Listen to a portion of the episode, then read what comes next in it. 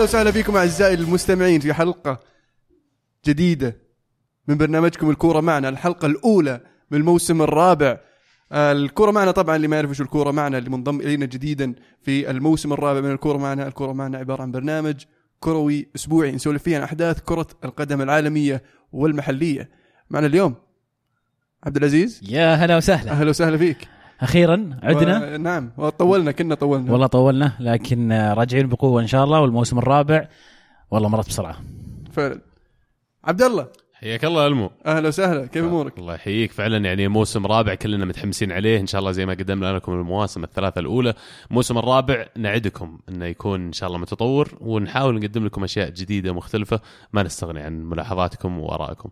إن شاء الله. ال- في هذه الحلقة راح نتكلم عن الموسم القادم أو عن انتقالات بعض الفرق أو أهم الفرق نقول وتطلعاتنا للموسم وإن شاء الله يعني يعني أسئلتكم وتطلعاتكم أنتم تكون يعني تثري الحلقة أكثر وأكثر. آه، نبدأ بالدوري الإسباني. آه، في الدوري الإسباني عندنا ريال مدريد اللي اللي فقد كريستيانو رونالدو حتى الآن ما وقع مع أحد يعني آه، وين راح كريستيانو رونالدو؟ ذكرني بس ذكرني بس وين راح كريستيانو راح الدوري. الإيطالي. وين في الدوري الإيطالي بالضبط؟ فريق أبيض وأسود. إيه. اودينيزي اودينيزي مو؟ سي- سي. إيه، okay. المهم آه، ال- ال- الريال آه، جابوا آه، أدوريد. مو آه، أدوريد هو اسمه؟ لا. أودريوزولا ظهير يمين اللي يروح ينافس آه، كارفاخال على ال- ال- ال- الجهة اليمنى. واللاعب الشاب البرازيلي اللي موقعين معه من قبل وتو جاي أتوقع الأغلب الكلام قاعد يطلع إنه راح يروح إعارة. فينيسيوس جونيور طبعا. أي اللي راح اعاره في أحد الأندية الإسبانية. آه، لكن حتى الآن آه، الغريب إن الريال ما وقع مع لاعب يعني آه، عليه الكلام. توقعنا كثير بعد بعد الموسم بعد يعني أكثر من موسم من غير توقيع مع أحد اللعيبة اللي لهم الاسم أو ال- ال- الثقل الكروي. لكن مع ذلك قدروا يحققون بطولات وينافسون على الدوري. و فترة الانتقالات في الدوري الإسباني تستمر إلى نهاية آه، شهر أغسطس. فلسه معهم وقت وممكن ممكن نشوف آه، البرازيلي الجديد ترى فنان بالحيل يعني ولو كان صغير عمره 17 سنة لكن شارينا يوم كان عمره 16 بحول 40 أو 45 مليون يورو. مبلغ كبير على لاعب شاب. أكيد مدريد شافوا فيه شيء مختلف عن باقي اللاعبين الموجودين فيمكن خلينا نقول لوبيتيجي بيعطيه فرصة الموسم هذا بالذات في ظل غياب رونالدو أه، بنزيما يبدو لي إنه بيطلع قريب المفروض عمره 18 لأن آه، صح، ما يقدر يلعب في البرازيل. ما ما. يطلع من البرازيل عمره 18 هل ممكن ينتهي الصيف يعني وما وقع مع لاعب اسم كبير؟ آه، وارد. في في حالة يعني آه، كورتوا مع تشيلسي ما زالت غير مستقرة يكفي اللاعب يبغى بس. يطلع ومدريد مستعد يدفع لكن المشكلة إن تشيلسي ما راح يقدر يعوضه إذا ما يعني شرى حارس في الفترة الحالية. الغريب إنه ممكن تشيلسي يخسر الحارس بعد ما يتقفل سوق الانتقالات في الدوري الإنجليزي وهنا ممكن ينقع نادي تشيلسي.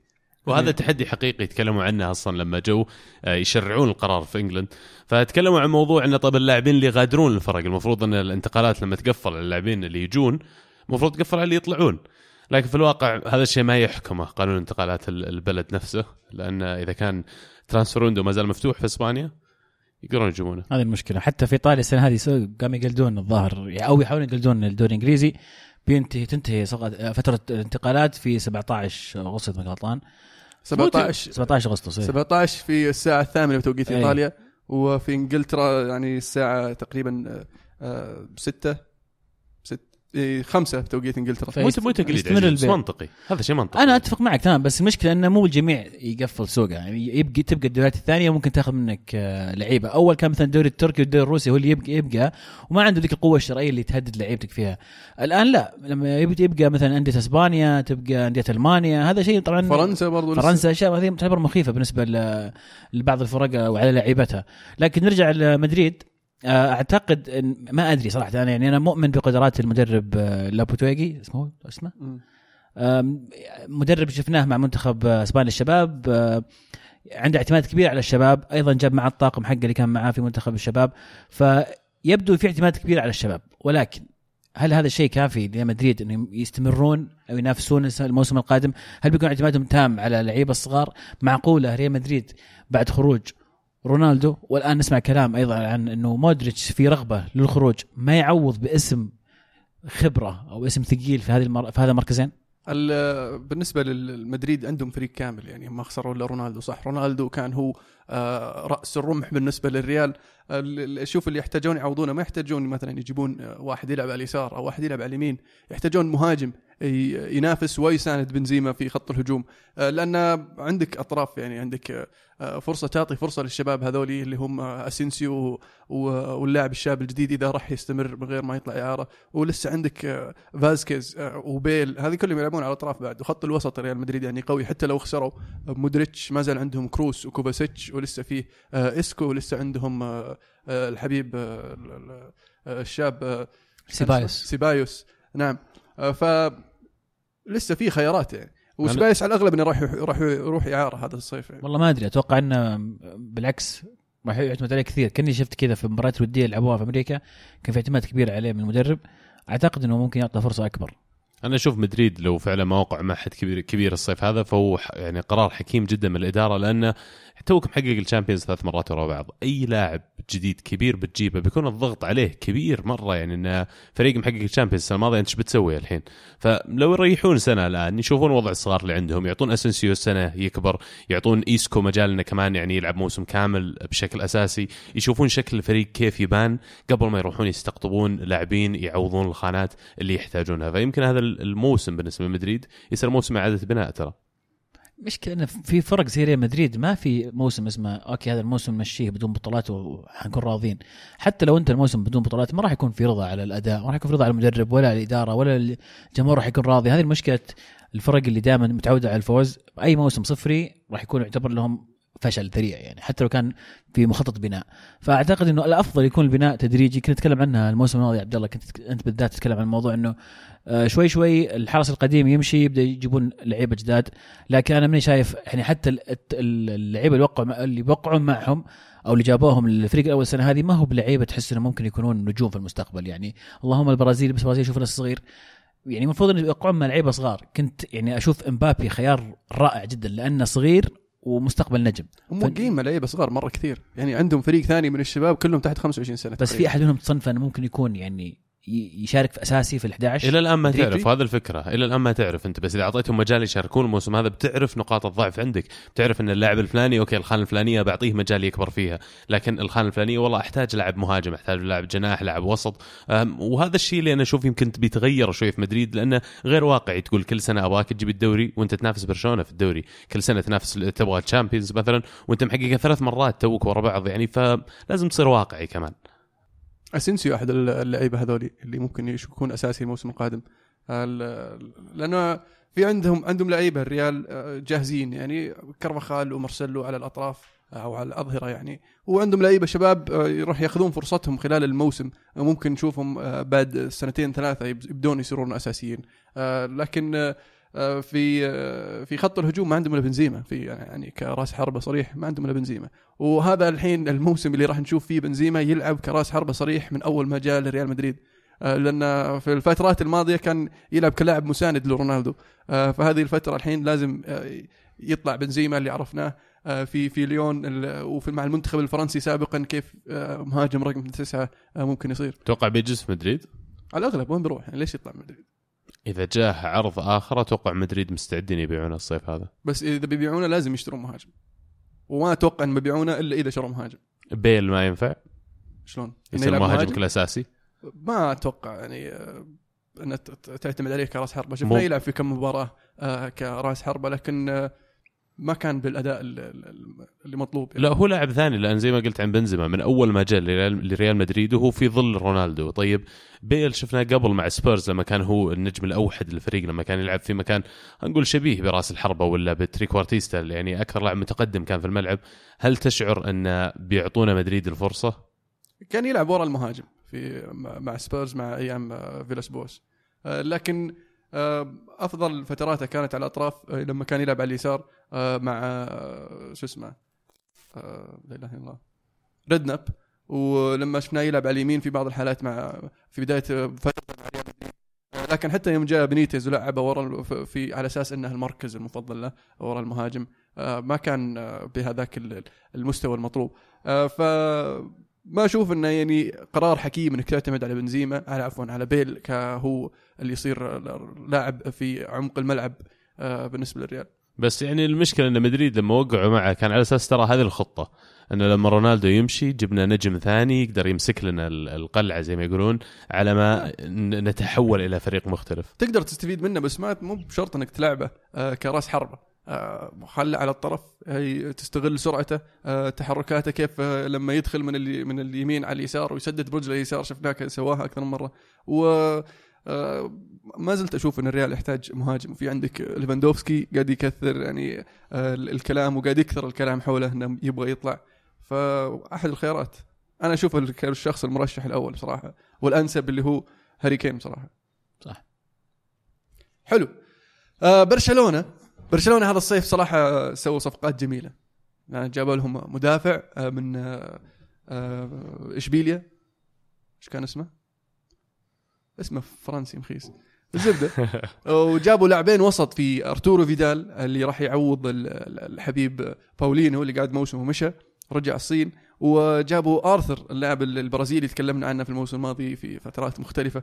آه لاعب ممكن آه، يساند في خط الوسط يكون الخليفة ل آه، إنييستا. وطبعا مالكم. سرقوا لاعب في الأخير. إيه بس لاعبين. لا لاعبين. ارتورو فيدال ومالكم من إنتر وروما. آه، مالكم تكلمنا عنه الموسم الماضي كان يعني موسم موسم له جيد مع بوردو وكثر الكلام إنه ممكن ينتقل لأحد الفرق في الدوري الإنجليزي وروما دخل بقوة وكان قاب قوسين أو أدنى إنه يوقع معه. آه، مو بس قاب قوسين يقولون يعني رمز علينا مره على الموضوع يقولون اتفقنا. إيه. يقول صار في اتفاق بيننا وخلاص إن اللاعب جاي بس إنه يقول تم الإعلان بدري على أساس إنه موضوع ما بقى له الفحص. اي كان هو خلاص لا لا لا. الطياره رايحة بيروح ويركب الطيارة. اللي صار ليون أعلن على حسابهم. تويتر أعلن ليون. كلموا آه، بوردو. آه عفوا. بوردو كلموا آه مونشي قالوا ترى إحنا بنعلن.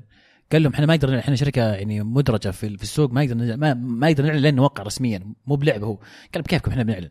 وأعلنوا. قام اضطروا روما كتب روما عمرهم ما كتبوا تغريدة عن لاعب إنه تم اتفاق روما يكتب تغريدة إنه وقع. جاء وقع. فاضطروا يكتبون كلام عشان يمشون مع مع كلام بوردو. هم بعد حطوا تغريدة مكتوب فيها إنه تم الاتفاق. بعدين دخلوا برشلونة على الخط وسحبوه. فحطوهم في موقف سيء جدا مع مع الملاك. تصرف غريب من إدارة بوردو يعني ما في مهنية ابدا في التعامل الصراحة. وما لوم صراحة يعني مالكم. وكان رايح المطار وجي تليفون ترى برشلونة يبيك الحين ودفع مبلغ أكبر وحنا نبغاك تروح برشلونة. What برشلونة؟ cancel الطيارة. ألو؟ ولا ويقول لك مساكين جمهور روما في المطار يحترونه يوصل. يلا معوضين. لكن روما سووا صفقات كويسة يعني ف برشلونة طيب الحين الصفقات اللي سووها هذه هل تشعر أن فعلا عالجوا المشاكل اللي كانت موجودة في الفريق؟ وبعد الانتقالات هذه راح نرجع نشوفهم مثلا قوة حقيقية في أوروبا في ال Champions League؟ المفروض لأن تكلمنا عن مشكلة خط الدفاع في في في برشلونة وياري مينا كان صفقة الصيف الماضي. آه، أو كان جانوري الظاهر الصيف ولا جانوري؟ زبدة الموسم الماضي. آه، لكن ما ما تاقلم مع الفريق. أخذ له أخذ له وقت لكن ما تاقلم والمباراة الوحيدة اللي خسروها آه، برشلونة الموسم الماضي في الدوري كان ياري مينا أساسي. و فجابوا المدافع اللي يحتاجونه.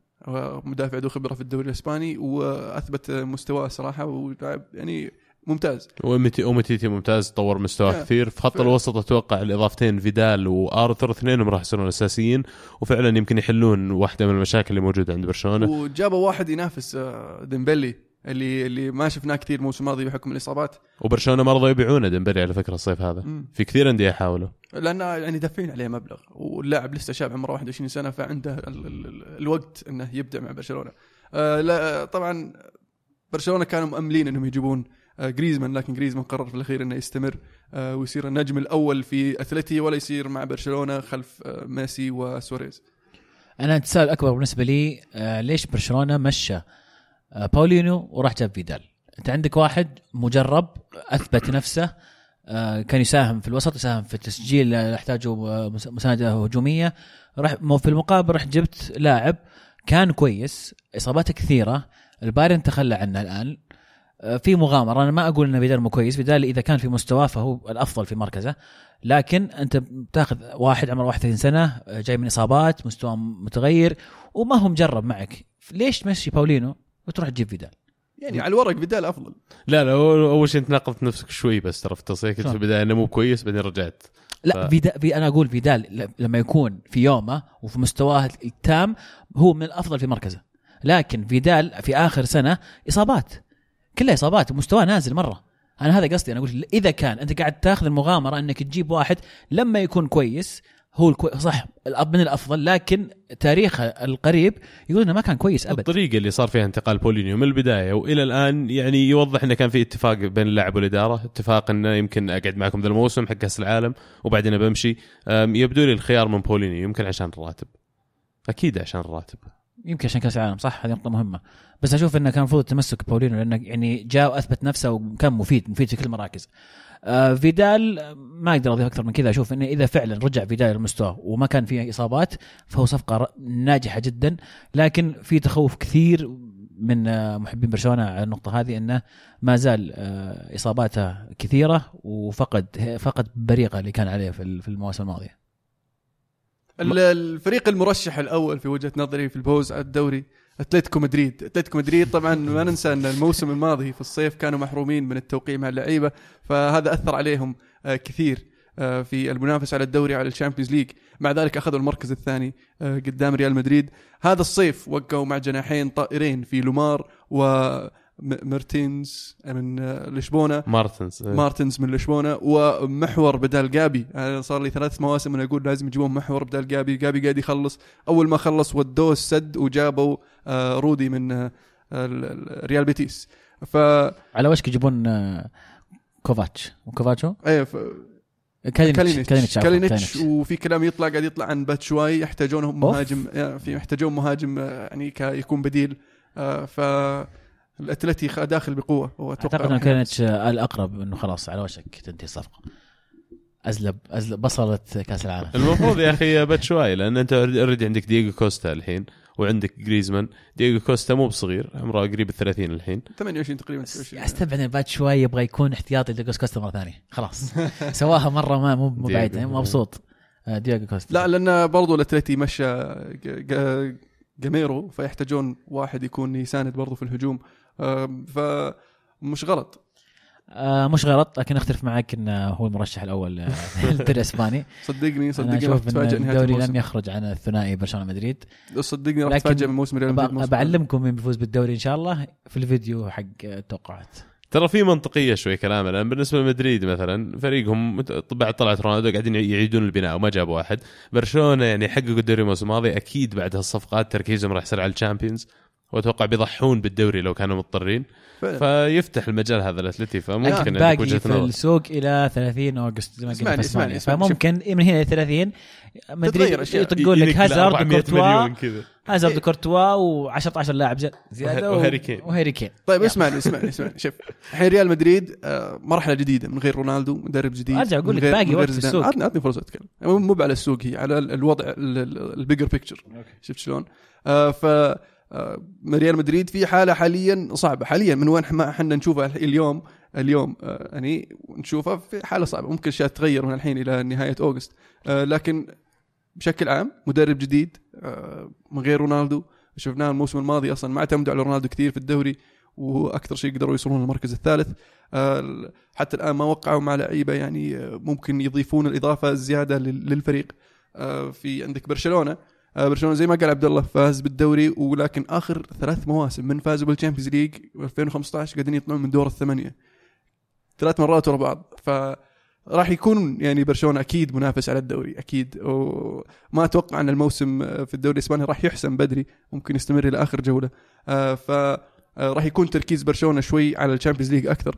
آه، الأتليتي آه، مستقر نفس المدرب. آه، ال- ال- الفريق قدر يعبي الخانات اللي هو آه، اللي هي ناقصته. آه، كراسكو مشى ما شفناه جاب أحد فالحين جاب اثنين واحد يمين واحد على اليسار. آه، دياغو كوستا جاء في January.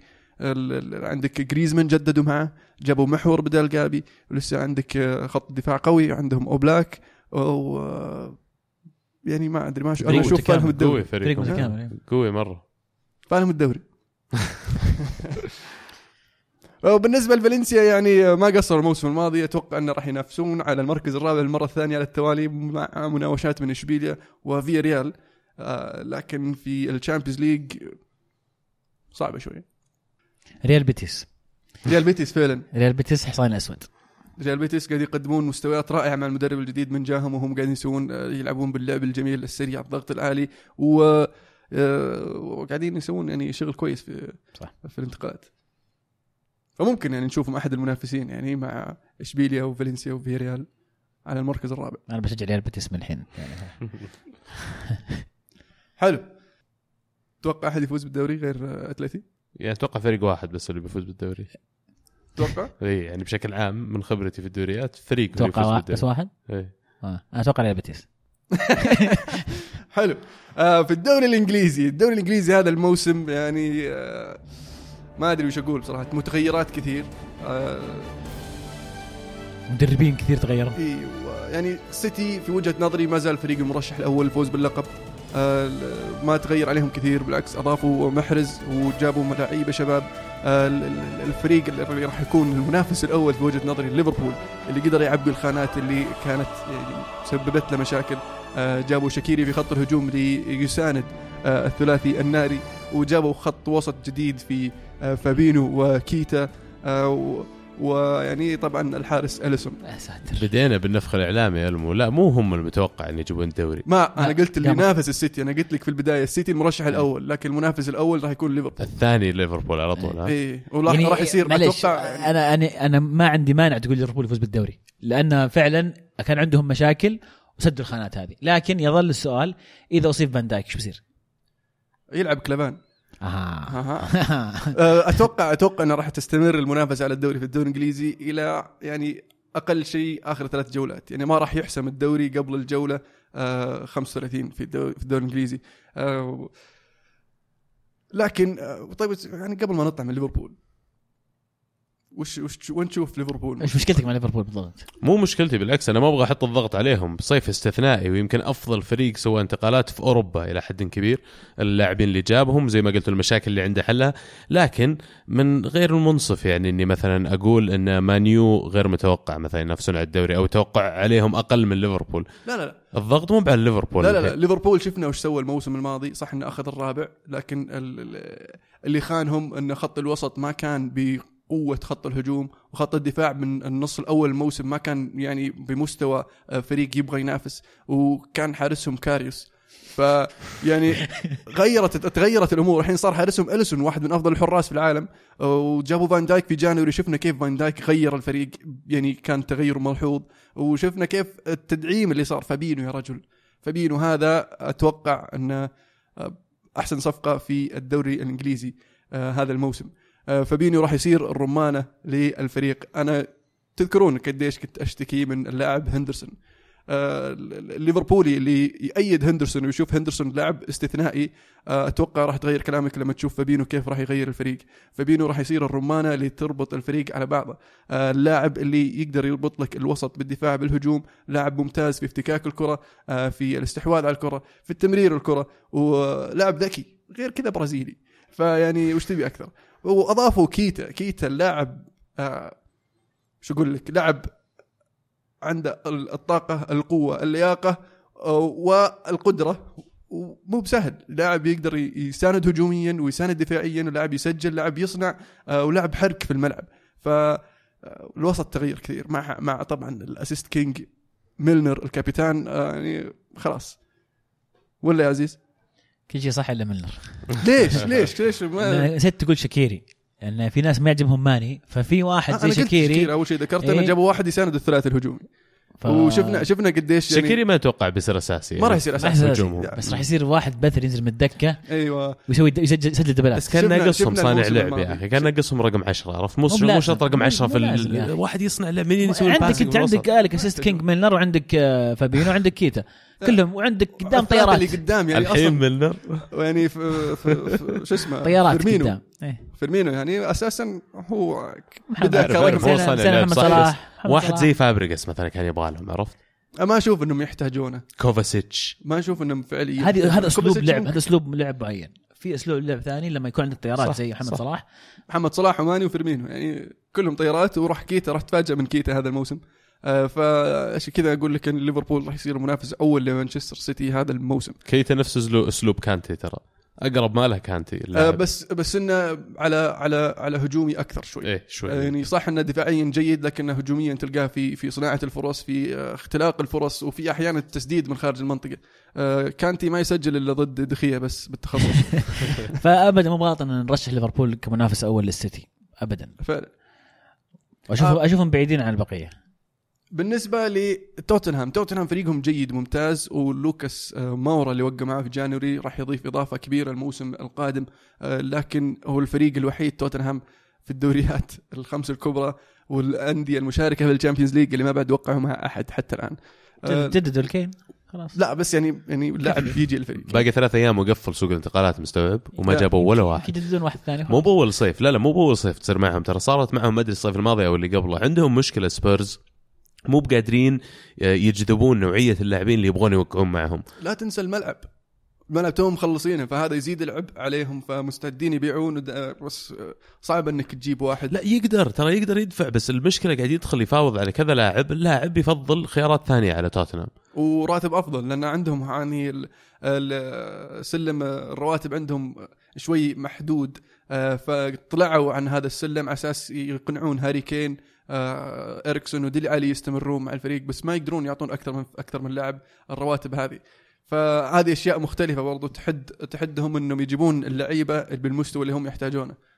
يمكن اهم أهم نجاح لهم ترى عدم بيع كين وإريكسون وسون وأسامي كثير عندهم ممتازة واحتفاظهم بلعيبتهم المهمين.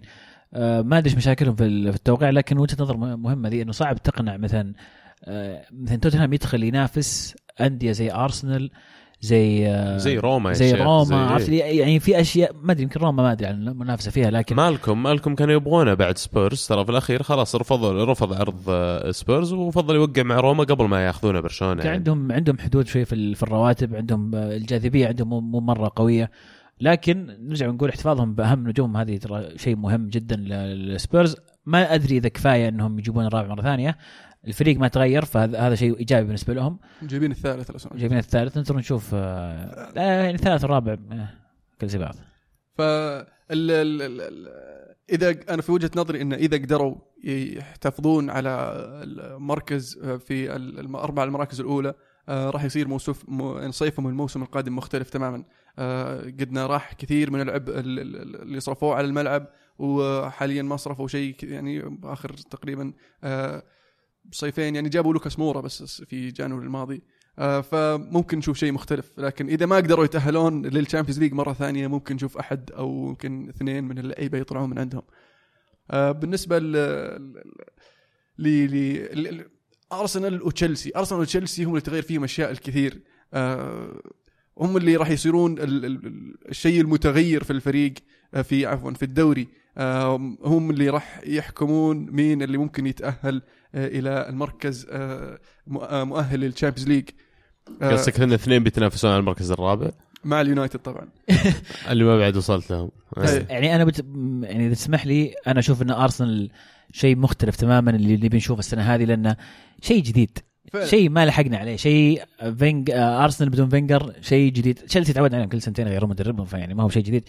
بس أنا متحمس أشوف أرسنال. أبغى أشوف هذا أرسنال. جديد يمكن الموسم الأول ما يبان تغيير كثير.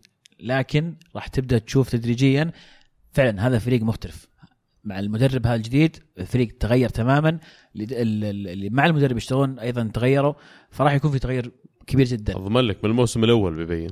وما ننسى طبعا الفضل الكبير اللي سواه فينجر قبل ما يمشي لما جاب لاكازيه وأوباميانج. ريح كثير ال- ال- أونا- يوناي إمري الموسم هذا بحيث إنه قدر يركز على مراكز مختلفة. شفناه جاب لعيبة دفاع ولعيبة وسط وحارس. أذكرك تشتكي كثير من الدفاع وشوي مشاكل في الوسط ومن بيتر تشيك بالذات. فحددني يا عبد الله وش تشوف في أرسنال وين ممكن آه، تشوف فريقك وش ممكن يسوي هذا الموسم. يعني زي ما قال عزيز الموسم هذا راح يصير مختلف تماما بالنسبة لأرسنال عشان أسباب كثير مو بس عشان انتقالات. ترك هذا الموضوع. أسلوب لعب أمري ترى مختلف تماما عن المدرسة اللي يتبعها فينجر. آه، أمري يعتقد بكرة القدم المباشرة أكثر. آه، شفناه مع إشبيليا. أتوقع بي- بيلعب نفس الأسلوب اللي كان يلعبه مع إشبيليا. باختلاف الأسلوب اللي كان يلعب فيه مع باريس مثلا. اللاعبين اللي لقاهم من فينجر زي ما قلت التركة أجزاء كبيرة منها كانت ممتازة. أوباميانج أحد أفضل المهاجمين اللي موجودين في الدوري الإنجليزي حاليا من وجهة نظري وممكن نشوفه ينفجر خلال الموسم القادم اللي يصير أول موسم كامل له مع الفريق.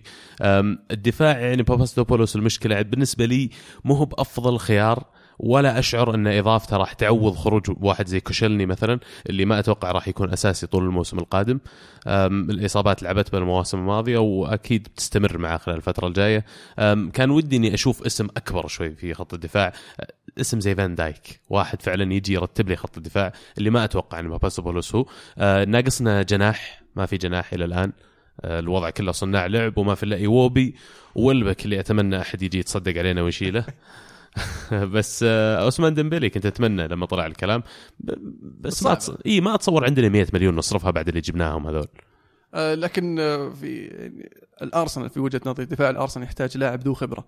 وصعب إنك تجذب أحد أهم المدافعين خاصة إنك ما عندك Champions League تلعب Europa League آه، للمرة الثانية ف إنك تجيب واحد زي باباستوبولوس واحد عنده خبرة وجلد في المنافسة على الدوري ينافس ولعب في ال Champions League ولعب في ال Europa League فواحد عنده خبرة كبيرة آه، راح يضيف لارسنال لكن راح يحتاج شوية وقت على ما يتأقلم في التوقع في الدوري الإنجليزي. آه، وجود آه، شتاينر لاعب قيادي آه، مقاتل في خط الدفاع ممكن نشوفه في مراكز مختلفة آه، عن اللي تعودنا عليه هذا الموسم. آه، وعندك آه، توريرا آه، اللي راح يضيف لل- للوسط راح يساند آه، تشاكا أتوقع. ولكن اللي بسألك رمزي رمزي حتى الآن ما جدد وفي صح. كلام إنه ممكن يطلع. آخر موسم له. أنا ما ما أخاف إنه إذا الإدارة تبغاه يجلس راح يجدد وراح يجلس. اللاعب أرسنالي يعني تحس بعض اللاعبين لما يلعبون بقميص معين انتمائهم له. تشعر إنه فعلا لهم ولاء القميص هذا. رمزي منهم. آه الآن يعني هو صار آه نائب الكابتن. وإلى الآن ما حددنا ظاهر كابتن الفريق. في احتمال يصير هو الكابتن آه يستاهل فعلا على شخصيته. لكن أنا بالنسبة لي هالموسم توب فور ممتاز لو خلص واللي صبرني السنين الماضية كلها على فينجر الوعد هذا إنه لما يطلع فينجر الوقت اللي يطلع فيه الفريق راح يكون في أجهز حالة للنجاح من ناحية مادية من ناحية استقرار النادي واستقرار الإدارة اللي موجودة فيه. فيلا الآن جاء الوقت. وريني يا إمري أنت إيش بتسوي بهالنادي بعد ما ورثته من واحد زي فينجر؟ أنا هذا اللي محمسني على الموسم القادم. آه، في كلام إن أرون رمزي يبغى راتب عالي شوي وعشان كذا هذا المؤخر التجديد. والله أنا أقول عطوه. حتى لو يستاهل. 300 ألف في الأسبوع. يعني مو ما اتصور إنه طالب 300 هو واقعي بعد بس إنه لو طالب على 180 أو 200 أعطوه. ليش ما تعطيه؟ طيب ما. تشوف إن الشيء ال- الأنسب إن أرسنال اللي يركز عليه هو ال Europa League بما إن ال Europa League يعني بطولة أوروبية اولا ويأهل لل Champions League مباشرة ثانيا. نتوقع جبنا إمري عشان ذا السبب يقولون إنه متعاقد مع البطولة. آه. حتى ينزل لها من ال Champions عشان ينصاها يقولون خلينا نشوف إيش يسوي. أرسنال جاب حارس؟ اي بيرند لينو. أوكي. لأنه من ألماني. ممتاز. نعم. خليفة آه، نوير. بالنسبة لتشيلسي أنا بتكلم عن تشيلسي شوي. آه تشيلسي مع آه ساري ومباراتهم في ال في ال في ال Community Shield آه ضد السيتي. طبعا انتهت 2-0 لصالح السيتي. أسلوب لعب مختلف اللي يقدمه ساري عن اللي يقدمه كونتي ويقدمه مورينيو قبله. يعتمد على 4 3 3 آه استحواذ على الكورة واللعب السريع والمباشر. ال- في المباراة هذه صعبة أنك تحكم على تشيلسي بحكم أنه يعني في غيابات. هازارد جيرو مو موجودين. آه، كورتوا. كورتوا فعلا. آه، اللي لعب فيه إنه كانتي. كانتي كانتي أهم واحد فعلا. آه، شفنا لويز يعود وذكرنا ليش كان مس- مستبعده كونتي آه، طول الموسم الماضي. آه، لاعب يعني كان فاتح شارع 30 في خط دفاع. تشيلسي. آه، كريستنسن ما زال موجود عندك روديجر آه، لكن آه، تشيلسي يواجه صعوبة في الت- التوقيع مع لعيبة جورجينو لاعب ممتاز راح يفيدهم راح يكون آه، مهم في الفريق لكن شفناه ضايع في هذه المباراة ضد السيتي بحكم إن اللي حوله مو هو بالمستوى. يعني كان باركلي باركلي ما شفناه ولا مرة في, كاملة. آه، فابريغاس ما هو في المستوى المطلوب. ممكن كانتي لما يرجع يضبط الوسط شوي لكن آه، لسه عندهم مشكلة الهجوم في موراتا. موراتا اللي مو بعارف يسجل آه، مو بعارف يسوي شيء. المشكلة الأكبر من ذلك انه يعني مهاجمهم الثاني جيرو ومو براضين يعت- يعتمدون على باتشواي ف وين وين الحلول بالنسبة لتشيلسي؟ وين رجع بعد شوي معهم؟ إيه هو راح اعاره إيه، ورجع الحين موجود معهم يعني. موجود معهم لكن حتى الآن ما قالوا هل بيستمر هل بيروح اعاره في كلام كثير إنه بيروح اعاره هو الظاهر إنه ما يبي يجلس. أتوقع يبي. يطلع بس ما يبغى يطلع اعاره بعد. أتفهم وجهة نظر أنت رحت دورتموند مثلا بنيت معاهم رصيد وفعلا اشتغلت معاهم الحين رجعت لنقطه البداية. فوضع تعليقه. وبالنسبة لتشيلسي فعلا مشاكلهم كبيرة مرة. يعني الفريق في وضع انتقالي حاليا. نفس وضع سبيرز قاعدين يبنون لهم ملعب جديد. يقولون وقفوا سالفة الملعب على أساس انه يضبطون أمورهم شوي. والله ما استبعد بس إنه غباء الصراحه إنك توقف شيء زي كذا. خلاص شو تسوي؟ طلعت من ال Champions طلعت من ال Champions. السنة الماضية ويمكن احتمال كبير ان نشوف من الأندية اللي ذكرناهم كلها أكبر نادي مرشح إنه يطلع من ال top four مرة ثانية تشيلسي. لأن ساري مدرب جديد زي ما قلت. الأسلوب اللي راح يتبعه مختلف تماما عن اللي كانوا قبله. ما أدري قابلية لاعبين تشيلسي على استيعاب تغير في التكتيك لهالدرجة يعني. راح يحتاج وقت أكيد ساري. ساري ما أتوقع إنه آه راح يعني الفريق ينسجم على أسلوبه بشكل سريع راح ياخذ وقت طويل. آه يحتاجون طولة بال. آه جمهور تشيلسي إدارة تشيلسي كلهم يحتاجون هذه الف... هذه النقطة اللي بتكلم عنها طولة البال. آه طبعا كلنا نتفق إن ساري يحتاج وقت لأن أسلوب لعب مختلف تماما. تشيلسي ما تعود عليه آه خاصة في آخر ثلاث أربع خمس سنوات. آه ال... راح يحتاج شوي وقت أساس إنه يطبق طريقة لعبه مع الفريق ولازم اللعيبة يتقبلون هذا الشيء وممكن نشوفه يعاني في أول شهرين ثلاثة من بداية الموسم، لكن هل راح يصبرون عليه الإدارة؟ أبراموفيتش هل راح يخليه يكمل الموسم حتى لو آه خلاه يكمل الموسم وما قدر يوصل مثلا ال top four؟ هل راح يستمر الموسم القادم؟ ما الموسم أتوقع. اللي بعده؟ ما أتوقع صراحة لين متى بيقعدون يدفعون هالمدربين عشان يشيلونهم؟ والسؤال اللي أهم بعد هازارد هل بيجلس؟ كورتوا هل بيجلس؟ النجوم الكبار حقينهم وهل لو طلع هازارد ب 100 مليون ولا ب 120 مليون بعدين في الصيف ولا حتى ب 180 هل تشيلسي يقدر ياخذ هذا المبلغ مرة ثانية ويرجع يستثمره في لاعب كبير؟ هل بيرضى يجي اللاعب ب 100 مليون يروح لتشيلسي؟ يعني عندهم مشاكل أعمق بكثير من غياب عن. تشامبيونز ليج بعد ترى يعني ما هو بسهلة بالضبط تغيب عن أكبر مسرح صعبة شوي أنا مستغرب صراحة إنه ما وقعوا مع أكثر من لاعب كان عندهم فرصة يوقعون معاهم بالذات في في من يوفنتوس كان عندهم فرصة يوقعون مع هيغوايين كان عندهم فرصه يوقعون مع روجاني أو كالدارا. أه، أستغرب يعني ما أدري إيش قاعد. صرفوا صرفوا الميزانية اللي كانت عندهم الصيف. صرفوها أول شيء على إقالة كونتي وصرفوها على جورجينيو صرفوها على التعاقد مع ساري.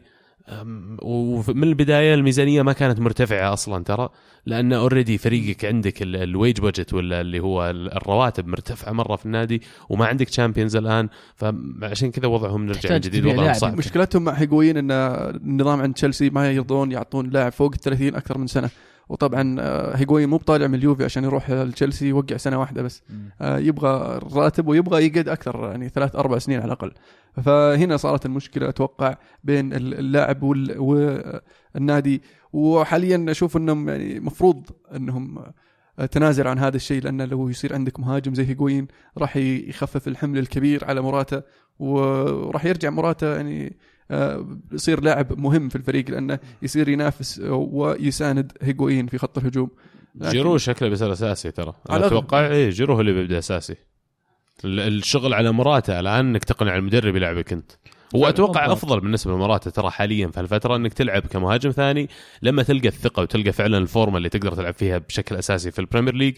ذاك الوقت تبغى المدرب يدعمك يعطيك الثقة وفعلا تضمن مركزك في الفريق يعني. ما تبغى تجي يحطونك في الفريق يلا أنت الأساسي. مو بغلط. مهاجم آه، بطل العالم فيعني يستاهل. صدق. بس ما سجل ولا جول ترى. مو بلازم. ثاني ثاني واحد. في التاريخ يفوز بكأس العالم بدون ما يسجل ولا جول. ثاني مهاجم رقم تسعة. الأول ما لعب ولا مباراة؟ طبعا غير غير هذول ال- ال- الفرق في آه، غير ال top 6 في عندنا آه، وسام اللي اللي سوى صفقات زاحفة بصراحة مع مدرب زي بيلغريني كلنا شفنا بيلغريني وش سوى مع آه، فرق متوسطة في الدوري الإسباني مع ملقا وفياريال وقدر يوصلهم لل Champions League دور آه، الثمانية ودور الأربعة. ومع السيتي في أول موسم له قدر يفوز بالدوري آه، كأول لاعب أول مدرب غير آه، بريطاني يفوز بالدوري من أول موسم أو شيء زي كذا. هذه. الثورة هذه ترى تكملة من الموسم الماضي لما كان عندهم باييه باييه طلع الموسم الماضي ولا اللي قبله؟ الموسم الماضي الموسم الماضي ظهر في الشتاء صح؟ أو اللي قبله لا اللي قبله بعد. فمن ذاك الوقت ويست هام قاعدين يحاولون يبنون فريق عليه الكلام فريق كويس فريق يقدر يوصل لل top 6 على الأقل يشارك في اليوروبا ليج يمكن. لكن آه، جتها العنز آه، باييه وخرب عليهم المشروع الأول تماما. وبيليتش للأسف آه، خربت نتائجه كثير بعد ما كانت بدايته رائعة مع الفريق. فمن جديد اضطروا انهم يضغطون زر الإعادة ويبدون من جديد يبنون. اعطوا مويس كذا الفرصة بس يظبط امور خلص الموسم على خير. وفعلا ركد لهم السفينة. لكن الآن يعني فترة جديدة أرناتوفيتش يعني ال- ال- الوجود اللاعب هذا رائع ترى في الهجوم ارناتوفيتش جابوا له فيليب لويز ومع ويلشر آه، فيليب لويز عفوا لا. فيليبي أندرسون إيه وويلشر وجابوا لعيبة في خط الدفاع لاعب أو اثنين وفابيانسكي أنا أستغرب ليش جابوا فابيانسكي. يعني صح إنه قدم موسم رائع الموسم الماضي لكن المفروض يلقطون لهم واحد من ال- الكويسين مع ال top 6 زي أوسبينا مثلا من أرسنال. آه، فابيانسكي أحسن. واحد شفت اثنين صدقني فابيانسكي أحسن. فابيانسكي رائع بس إنه في مع الفرق الكبيرة كان يزبل في المباريات الرسمية كان يزبل وفي التدريبات على قولة المدربين اللي يدربونه هو سوبرمان. فواحد فعلا اخذ وقته مع سوانزي كان يلعب صح؟ إيه. إي مع سوانزي ترى قدم أداء رائع خلال الموسمين الماضيين الموسم الماضي فعلا. آه، هل تشوف إنهم أحسن من إيفرتون الحين؟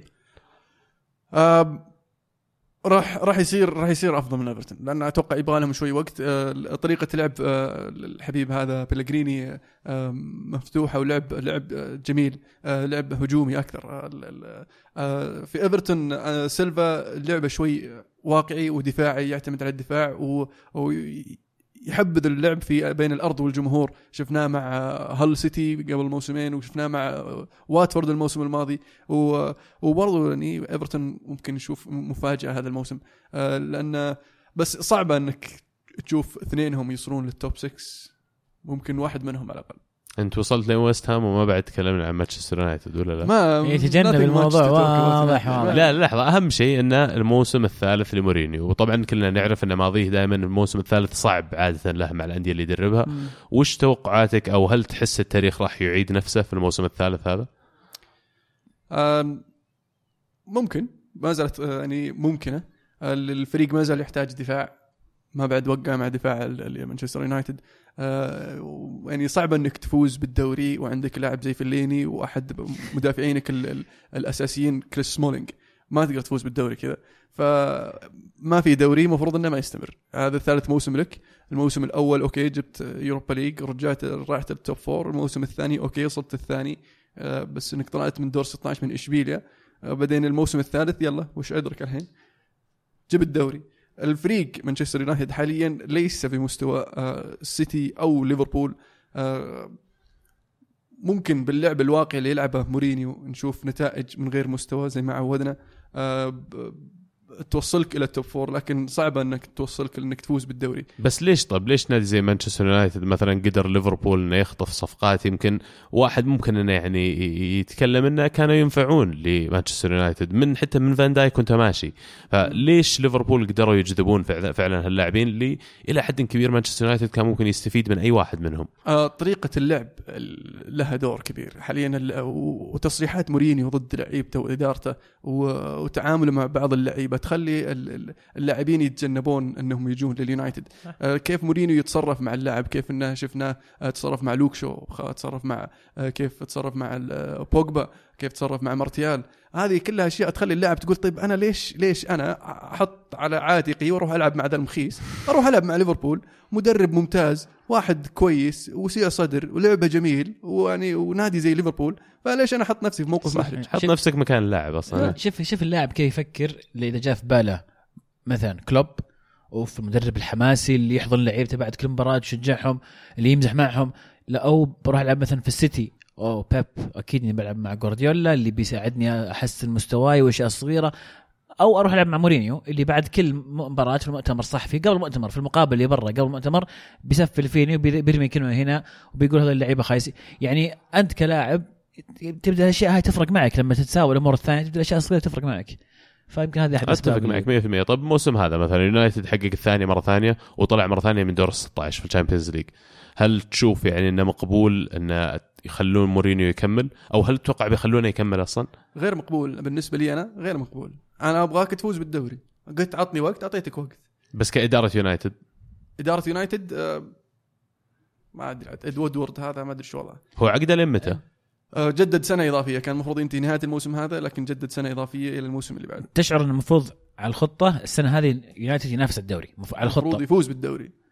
لكن عذر مورينيو طبعا حاليا انه ما وقعنا مع أحد وللحين قاعد يصيح إن الفرق الثانية قاعد تدعم والفرق الثانية يا إنها جاهزة يا إنها قاعد تدعم زي ليفربول. وف آه، أنا أحتاج وأنا أبغى فأتوقع المشكلة إن فيه فيه في عدم اتفاق بين مورينيو وإد وودورد في هذه الناحية. إن مورينيو يبغى لعيبة لكن اللعيبة هذولي أسعارهم شوي مبالغ فيها. فإد وودورد مو مستعد إنه يدفع على لاعب اسمه ريبيتش 60 مليون آه، ويروح آه، يدفع على واحد آه، بيخلص عقده اللي هو ألدرفيرلد بيخلص عقده الصيف الجاي آه، آه، 60 مليون. أو يروح يكسر الرقم القياسي لاغلى مدافع ويروح يشتري ماجواير ب 70 75 مليون. فليش ليش ليش تسوي كذا يعني؟ مع مين وقعوا يونايتد الآن؟ فريد. أوكي. دالوت ظهير يمين شاب. أوكي. وجرانت حارس ثالث. ومبدئيا يبدو إنه خلصتوا يعني؟ آه ما زالوا يلاعبون صح؟ مدافع. بواتينج يقولون طبعا. بواتينج ألدرفيرلد وماجواير ما زالت الأسماء تدور صار لها شهر ونص. بس عندك القدرة يا أخي إذا ليفربول راحوا مثلا شروا فان دايك من ساوثهامبتون ب 75 مليون ترى زي لما تجي تقول الحين عن ماجواير طالبين فيه 75 مليون much يعني القصد إنه نفس الفكرة ليفربول سواها وشوف وين لقوا نفسهم الحين. وبالنسبة ليونايتد ترى ما عليهم قاصر فلوس لما تقول too much الفلوس يعني. يعني بس بس أنت تتكلم عن لاعب يعني آه، قدم مستوى رائع مع هل الموسم آه، اللي هبط فيه هل وكان واضح إن اللاعب راح يطلع. واللاعب قدم مستوى رائع شفناه في مباريات ضد اليونايتد كيف حجر لزلاتان إبراهيموفيتش فليش ما فكرت فيه وقتها؟ ليش استنيت لين كاس العالم وخليته يبدع في كأس العالم ثم الحين ليستر يقول لك لا تبغى أدفع. لانك يونايتد لو في عشر مدافعين زيه تقدر تنتظر وتشوف أي من العشرة يصير أفضل واحد وراح اشتريه أنا يونايتد أنا ما ما عندي وقت أروح اشتري الصغار على أمل إنه ينجحون ولا لا. فأنا هذا القصد ليش يونايتد الصيف هذا وقف يصير يونايتد في الانتقالات تحديدا؟ العادة يعني ما يفرق معه عرفت إنه الدرفيرلد أوكي باقي سنة على العقدة تبي 40 مليون؟ خلاص أوكي أمسك تفاوض معك أوصل لك على شيء أتفق على معاك عليه لأن أنا أحتاج اللاعب بعد. لا, لا في حالة ألدرفيد مع توتنهام توتنهام يضرب السعر باثنين ونص لما يجي اليونايتد. آه، فاللاعب بقي له سنة في عقده فاليونايتد طلبوا 75 أول شيء. طبعا كان رقم مهول.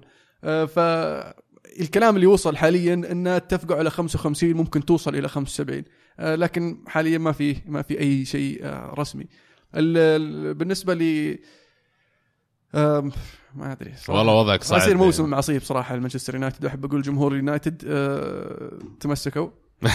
و- ولا تحرص على المباريات كثير يعني مو بلازم. وأحب أقول إذا عندك دوام إذا عندك class عندك آه، أي شيء آه، يعني أهم لا تحرص إنك تسحب عشان تشوف المباراة لأن ممكن تشوف شيء يضيق صدرك لونك تقول لوني قاعد أحسن لي. وأحب أقول الكسيس تستاهل تستاهل تستاهل تستاهل. حلو. توقعاتكم top four طيب؟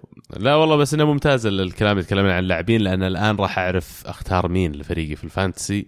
آه، الدوري راح يبدأ قريب وال fantasy راح يبدأ قريب وزي ما عودناكم خلال الموسمين الماضيات راح يصير في fantasy. الكرة معنا الدوري إن شاء الله بالوقت اللي تكون نزلت فيها الحلقة بيكون حاطين الكود إن شاء الله في حسابنا في تويتر. ادخل شارك معنا في الدوري. الظاهر إن الناس اللي كانوا مشاركين معنا السنة الماضية أوتوماتيك يتجدد مشاركتهم في الدوري السنة هذه في جوائز للبطل. لا تخلونا. توقعاتكم لل top four طيب؟ آه الأول بين سيتي وليفربول. وبس عشان كذا يعني نشطح خلينا نقول ليفربول لكن طبعا القرار الجواب النهائي بالنسبة لي راح يكون في الفيديو. أنا محتفظ في ال- ال- الأجوبة حقتي السرية للفيديو. صح. top four بدون ترتيب خلينا نقول. إيه، بدون إيه،. بدون ترتيب. اثنين ذولي معاهم آه. توتنهام. أوف ساتر باقي أرسنال تشيلسي ومانشستر يونايتد. آخ أستون فيلا ولا ويست هام ولا شيء زي كذا. ويست هام وايفرتون آه، تشيلسي وأرسنال عندهم Europa League. فتحطه في الحسبان.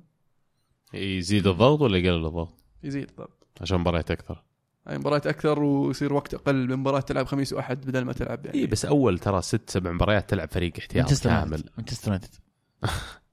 لا لا مانشستر يونايتد صدق لأنه يعني فريق فريق كويس. حتى لو ما عزوا ترى لسه كويسين ترى الثاني الموسم الماضي فيعني صح.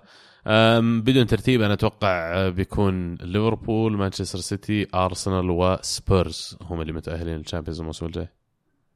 أتوقع خروج مجدد لتشيلسي ومان ومان يونايتد المرة الأولى يعني. أتوقع إقالة اكشلي مورينيو. في أو في النصف. اي في, لا، في النصف جاني. الأول من الموسم. والله يعني الصراحه قاعد يفلم ولا عزاء له. يعني إذا انكرش يستاهل. يعني قاعد تفلم من الموسم الماضي طيب وهرتج مين نشوف نشوف واحد يعني ممكن يعطي النقلة أو يعطي اليونايتد الخطوة ال- ال- ال- إلى الأمام يعني. مدرب؟ إيه. والله كثيرين. أنتم بس سموا بالله. وقيلوا اكرشوا ذا وأصفط لكم الحين هنا السيفيات كلها قدامكم. عطنا اسم يعني. في مدرب يا أخي خذ لك حق موناكو. إيش يسمونه كان؟ جارديم. جارديم شكرا. راح خذ آه، اللي اللي تو بس وقعوا معه خلاص آه، لايبزيج آه، حق هوفنهايم. راح أخذ خواكيم لوف من ألمانيا مدرب في سنة سنتين فترة خلينا نقول انتقالية. عندك بس خيارات؟ جدد مع ألمانيا خوكيم كل ذولي حتى لو جد زيدان. مش غلط والله زيدان صراحة صدق زيدان. حلو خلينا نقفل الدوري الإنجليزي. عطنا. عطنا التفر حقك ما قلت لنا أنا وافق عبد الله بصراحة. أوكي. ال- عليهم كلهم؟ إي. بدون الترتيب بعد؟ تبغى الترتيب أعطيك إياه؟ لا لا لا خليها مفاجأة. طيب. آه، ال- ال- في الدوري الإيطالي الدوري الإيطالي فيه تغيرات كثيرة صارت. طبعا الص- الصيف كان حافل بالنسبة لإنتر وروما. وطبعا يعني اليوفي يعني صفقة واحدة كانت تكفي اللي هي آه، كريستيانو رونالدو. أنا أبغى أبغى أبدأ يعني. تكلمنا عن يوفي كريستيانو رونالدو خلاص ملينا من السالفة دي. أنا بتكلم عن بس أنا. بذكرك يعني ترى كريستيانو راح اليوفي. بس يعني كان إذا في أحد نسى السالفة ترى كريستيانو رونالدو راح اليوفنتوس. ترى بعلمك من الحين عشان ما تنصدم نهاية الموسم. أيوه. ترى ما أنتم فايزين بال Champions League الموسم ده. أنا بخلي بخلي يعني توقعي الأخير اللي okay. okay. حقك حقك. أحلى شيء إنك جبت طاري الحين اليوفي بعد ما ختمنا حديثنا عن مانشستر يونايتد. لأن في كلام كثير قاعد يقول لنا مينو ريولا الآن يحاول إنه يطلع بوجبا من مانشستر يونايتد الظاهر وصل الهوشة مع مورينيو لحد كبير بس خليني أكملها.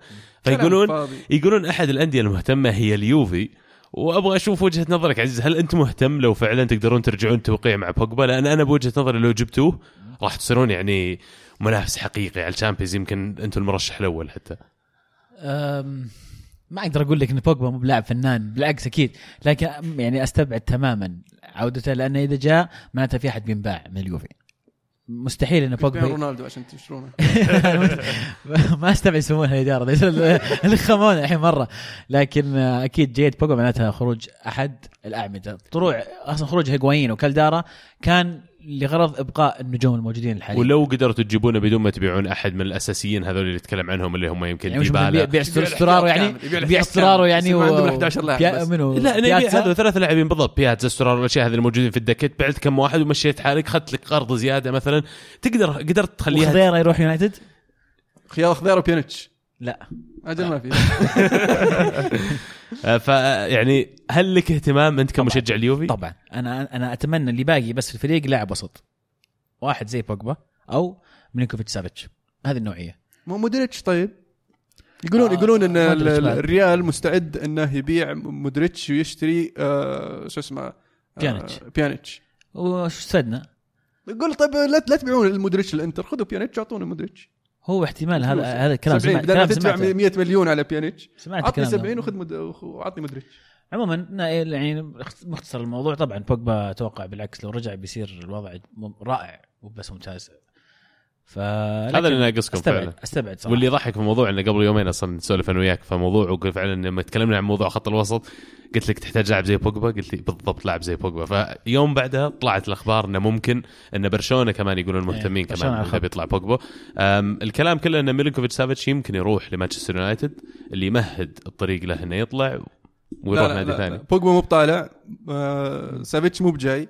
آه اليونايتد إذا بيوقع مع أحد بيوقع مع مدافع. طلع مورينيو طيب يا أخي. إحنا وصلنا الدوري الايطالي لو علي ما, وقعت. معه أنت تعرف يعني السالفة كلها. بس مو بعد موضوعنا صح. موضوعنا انتر ميلان حاليا. انتر ميلان اللي اللي اللي دعم خط الدفاع ودعم خط الوسط وجابوا مهاجم يعني يساند آه، آه، إيكاردي. ويعني الفريق شكله آه، ناوي هذا السنة. يبغى ينافس ال- اليوفي على الدوري ويبغى يطلع بشكل مشرف في ال Champions League بعد غياب ست مواسم مع مدرب آه، متمكن مدرب عنده الخبرة في الدوري الإيطالي وفي في المنافسات الأوروبية وفي ال Champions League ف آه، يعني نيانجولان لحاله. بالنسبة لي آه، يكفي بالنسبة لي دفاع لل- يعني للإنتر. نتكلم مراكز كاملة من حارس من قلوب دفاع جابوا- ديفراي من من لاتسيو مع سكرينيار مع ميراندا دفاعهم كامل واظهره جابوا اسموا وجابوا جابوا اسامو على اليمين جابوا فيرسالكو على ال- عفوا اسامو على اليسار فيرسالكو على اليمين عندهم آه، نيانجولان عندهم فيسينيو عندهم آه، عدوا بروزوفيتش. بروزوفيتش بيريسيتش. إيكاردي جابوا مارتينيز آه، مهاجم أيضا أرجنتيني فريقهم ممتاز يعني أعتقد الأغلبية يتفقون إنه هو يعني هو أكثر فريق مرشح ينافس اليوفي على الدوري أحب أهني بس الانتراوية على يعني انهم تخلصوا من ناجاتومو. آه، كثير كانوا يشتكون منه يعني. كابتن. الأسطورة. فمبروك و... فعلا انتر مخيف جدا. آه أنا بالنسبة لي هو ال- هو يعني الفريق رقم واحد اللي راح ينافس اليوفي آه، الدوري الموسم هذا. مين مدربهم الحين؟ سباليتي. لسه. وروما روما برضو يعني آه، سووا صفقات رائعة هذا الموسم. بس آه. روما يعودونك دائما عندهم ال activity في الانتقالات بالذات رائع جدا. كان ودي أشوف فعلا مالكوم يكمل الأحجية اللي سووها. لا بس يعني already هم عندهم يعني آه، اوندور على اليمين وجابوا كلويفرت على اليسار وعندهم ال- ال- المهاجم اللي يعني قدم مستوى رائع الموسم الماضي والموسم اللي قبله في دزيكو وخط وسط رائع. صح إنهم تخلوا عن آه، نيانجولان. لكن جابوا آه، باستوري باستوري اللي يناسب طريقة لعب المدرب بشكل أكبر. آه، وفي عندك آه، يعني صح إنهم تخلوا عن أليسون لكن جابوا حارس آه، المنتخب السويدي آه، على التاريخ يقول أنا استغربت انه جاني عرض من إيطاليا عقب اللي صار. إيه، طلعناهم. فموسم راح يكون آه، شيق في الدوري الإيطالي. آه، نابولي اللي أنا متخوف صراحة بالنسبة لنابولي. آه، ما زال الفريق يحتاج آه، مدافع. آه، حاليا آه، عندهم مشكلة في خط في في مركز الحارس. جابوا حارس لكن أصيب راح يغيب تقريبا شهرين آه، من بداية الموسم. آه، اوتشوا جاي في الطريق راح يكون آه، حارس احتياطي. على الأغلب ممكن نشوفه يبدأ هذا الموسم. بداية الموسم. آه، دي فرانشيسكو بعد اللي قدمه الموسم الماضي رائع يعني متحمس إني أشوف آه، تكملة قصته مع روما يعني الفريق اللي بناه أسلوب لعبه جميل جدا آه، قدر إنه فعلا يخلي الفريق يلعب للقوة اللي كانت موجودة عنده وهذا اللي خلى جاكو زي ما تكلمت يبرز بشكل كبير ويصير عنده مواسم استثنائية خلال الموسمين الماضيات. أنشيلوتي شيء جميل أبغى أشوف إيش يسوي أنشيلوتي مع نابولي أنا بصراحة متخوف. لأن ما أدري وش وش ممكن يسوي. آه، صح إن جورجينيو راح لكن ديوارا موجود وأتكلم عن ديوارا أنشيلوتي انه إنه معجب باللاعب وراح يعتمد عليه. آه، لكن آه، ما زالوا أشوف إنهم يحتاجون يحتاجون خط دفاع. يعني واحد مع كوليبالي يضبط شوي خط الدفاع. شخمطوهم ليفربول المباراة الودية آه. قبل كم يوم. آه، خمسة صفر سقعوهم. آه، توقيع مع فيردي شيء جيد راح يخفف الضغط على كيخون على اليمين وممكن يلعب على اليمين على اليسار. آه، في عودة ملك راح تخفف الضغط برضو على آه، ميرتنز. خط الوسط يعني متزن نوعا ما. آه، لكن ما أشوف انه سووا الفرق الكبير اللي يعطيهم الدفعة إنهم يتخطون اللي سووه الموسم الماضي. يعني أول فريق في الدوري الإيطالي يجيب فوق ال 90 نقطة ولا يفوز بالدوري. صح. فما أتوقع إنهم راح يسوون هذا الشيء مره ثانية الموسم هذا. انهم يجيبون 90 نقطة. ممكن نشوفهم يعني على المركز الرابع أتوقع أوف نزل إلى الرابع ينزلون إيه لأن معليش إنتر وروما آه سووا أشياء ممكن تحسن من الفريق آه إلى إنهم يروحون خطوتين قدام آه ف حتى الميلان. هو في فريق مهم نتكلم عنه اللي هو الميلان. إيه. نعم. ال- الميلان الميلان طبعا من مسكوهم ال- إليوت قاعد يغيرون في الفريق يعني شفناهم جاء رجعوا آه، اللاعب حقهم السابق ليوناردو. ليوناردو إلى ال- ال- آه، foo- football director في الفريق. وشفنا عودة آه، مالديني للإدارة في strategy and development director وواضحه هذه يعني التغير في ال- الهيكل الإداري على طول جابت لك الثمار بالتوقيع مع هيغوايين وكالدارا بعد أسبوع أو أسبوعين بس. واضح توجه الإدارة الجديدة الآن. يبدو لي ال- الهدف الأساسي اللي يبغون يوصلون إنه شكلهم فاهمين كوره هم بعد. يبغون يرفعون من قيمة النادي بأنهم يرجعونه لل top four يرجعونه ينافس في ال Champions League لأن لازم نصير واقعيين بعد. إليوت ترى مو جايين عشان يمسكون النادي فترة طويلة. جايين بيحسنون وضعه شوي يرفعون التقييم حقه ويرجعون يبيعونه من جديد. يبغون الفريق يستقر. هذا بالضبط. هذه شغلتهم الآن. فجيبتهم لهيغوايين حل المشاكل الهجومية اللي كانت موجودة عند الميلان. كالدارا جابوا لهم مها- مدافع شاب قادر إنه يعني يصير آه، جنب رومانيولي اللي قدم موسم استثنائي الموسم الماضي. آه، آه، ال- ال- الشراكة ما بين الاثنين ممكن شيء يدوم ثمان أو تسع سنوات ومكسب رائع. إي مكسب رائع لميلان والمنتخب الإيطالي. يوفي للأسف انه تخلى عن المستقبل عشان الحاضر عشان اليوم بجيبة بونوتشي. لكن ميلان في نفس الوقت قدر إنه يلقى لنفسه من هالصفقات ال- الحصة اللي ممكن تحل مشاكله ترجع لل top four على الموسم طاري الجاي. هيغوين وكالدارا وبونوتشي عبد الله من تشوف ال- المستفيد الأكبر من هذه الصفقة؟ اليوفي ولا الميلان؟ من بحيادية أتوقع الطرفين حصلوا على اللي كانوا يبغونه. آه، بالنسبة ليوفي يبغون يجيبون ال Champions خلال الموسم الجاي أو الموسم اللي بعده لأن جابوا رونالدو الآن. فهم الآن ما راح يدخرون أي جهد إنه يصير عندهم فرصة إنهم يحققون ال Champions. قالوا جبنا رونالدو جبنا الصعب. الآن لو يفرق 1% واحد من اللاعبين الباقيين راح نجيبه لو نقدر. وبالنسبة للميلان آم، وجود بنوتشي شيء ممتاز وفعلا قائد الفريق. بنهاية الموسم الماضي قدم أداء كويس لكن وجود آه، شراكة في الدفاع ما بين رومانيولي وكالدارا على المدى الطويل اللي ميلان مو مستعجلين حاليا يبدو لي أفضل بالنسبة لهم من وجود بنوتشي. فالجميع كسبان في الصفقة هذه. هيغوايين يعني يمكن هو الخاسر الأكبر لأنه ما كان يبغى يروح يبدو لي الميلان آه، بس المفروض إنه يطلع الآن متحمس ومنقهر يبغى يرجع يثبت نفسه ويصير هداف الدوري.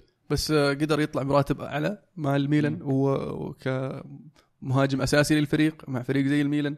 واذا قدر آه، هيغوين يساند الفريق ويساعد الفريق إنه يحقق آه، المركز آه، الرابع على الأقل آه، فممكن يصير من من أهم اللعيبة في المستقبل القريب.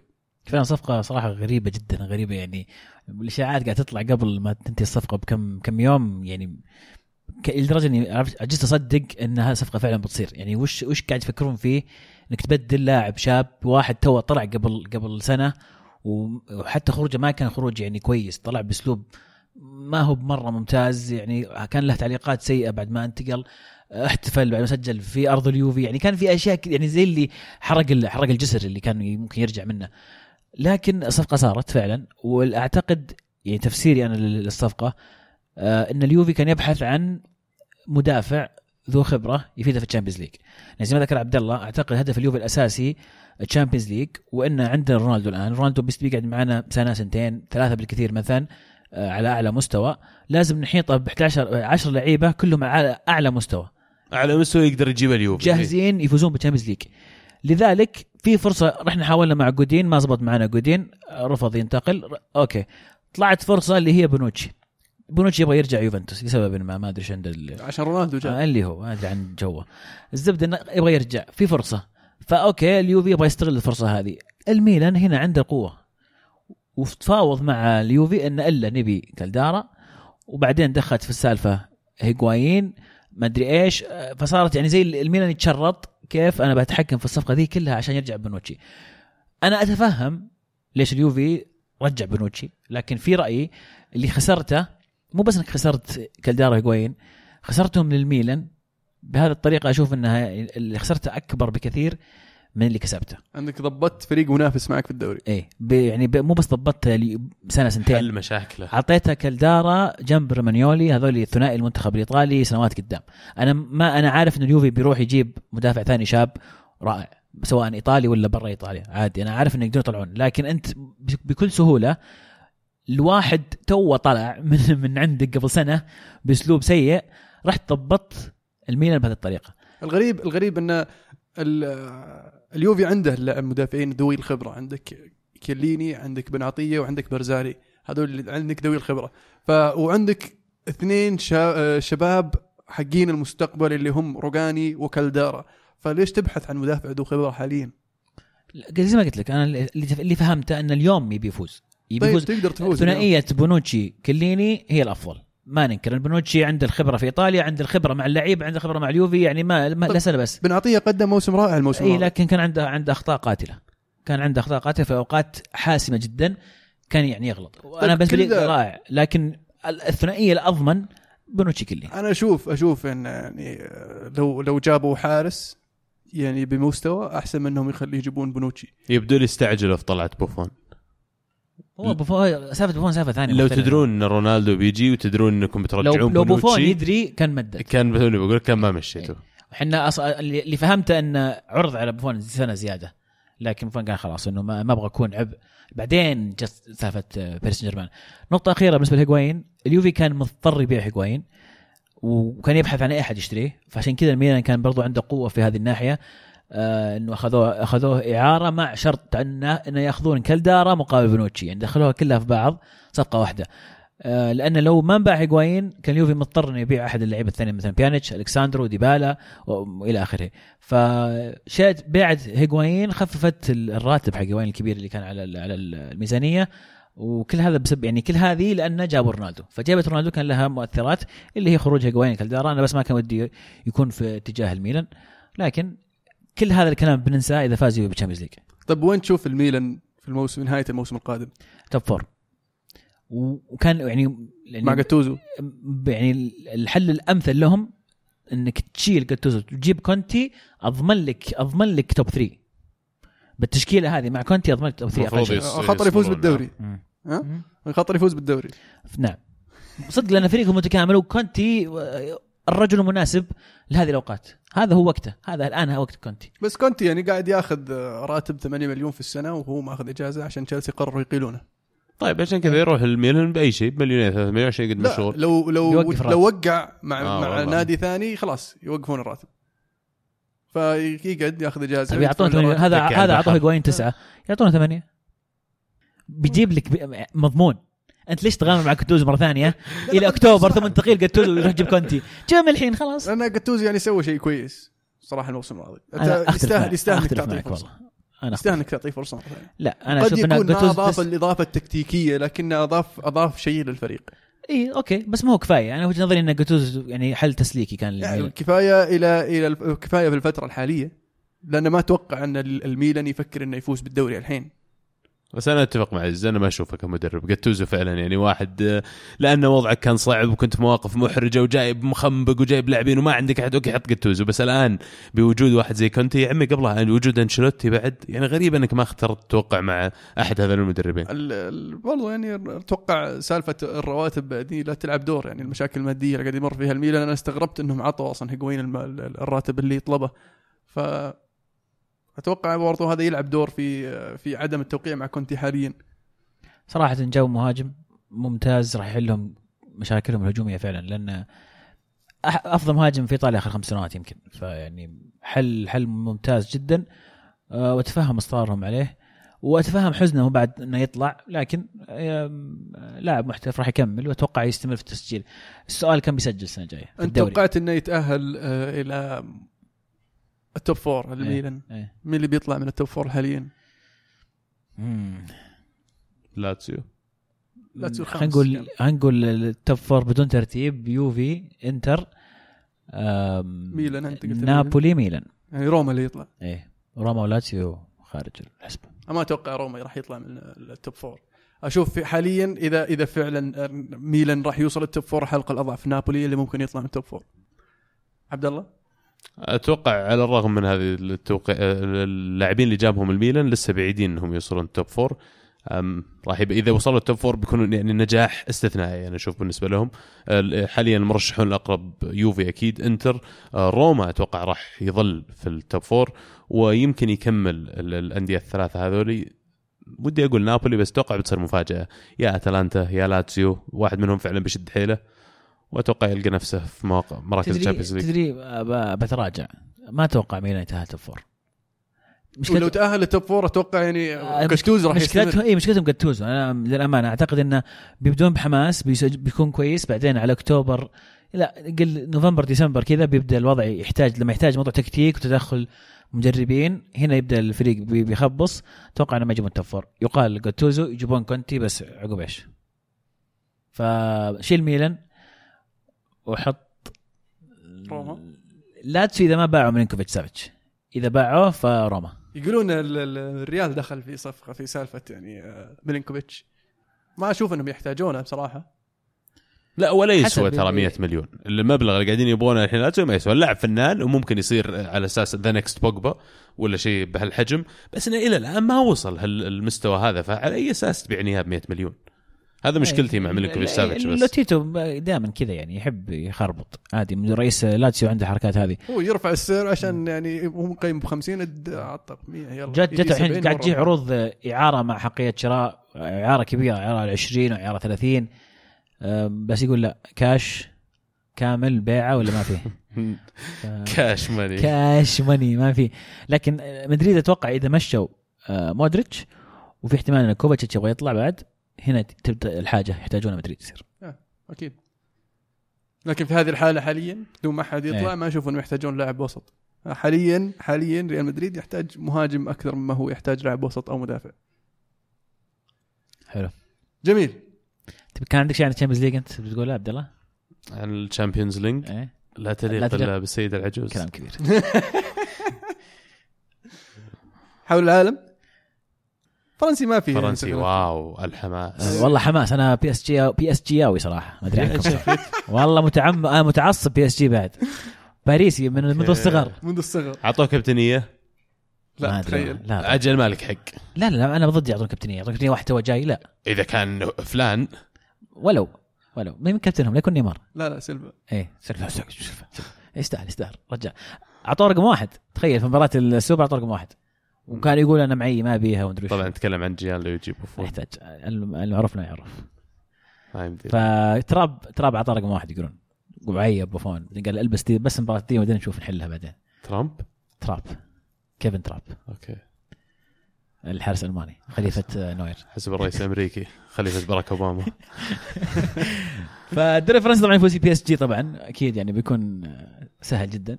ليون ليون ليون ليون. يا رجال. ليون. ما راح يفوز ليون لكن ليون هذا الموسم راح ينافس موناكو على المركز الثاني وموناكو راح يكون في حالة شوي عصيبة. هو الفريق اللي لازم تتابعه يعني ليون ها؟ إي خاصة إذا ما فكوا فقير. قلت فيعني- قلت بيتيس في الدوري الإسباني لازم نتابعه ليون في الدوري الفرنسي Premier League ويست هام ويست هام والدوري الإيطالي. دوري إيطالي. بارما. بارما يدري الموسم سالب خمسة.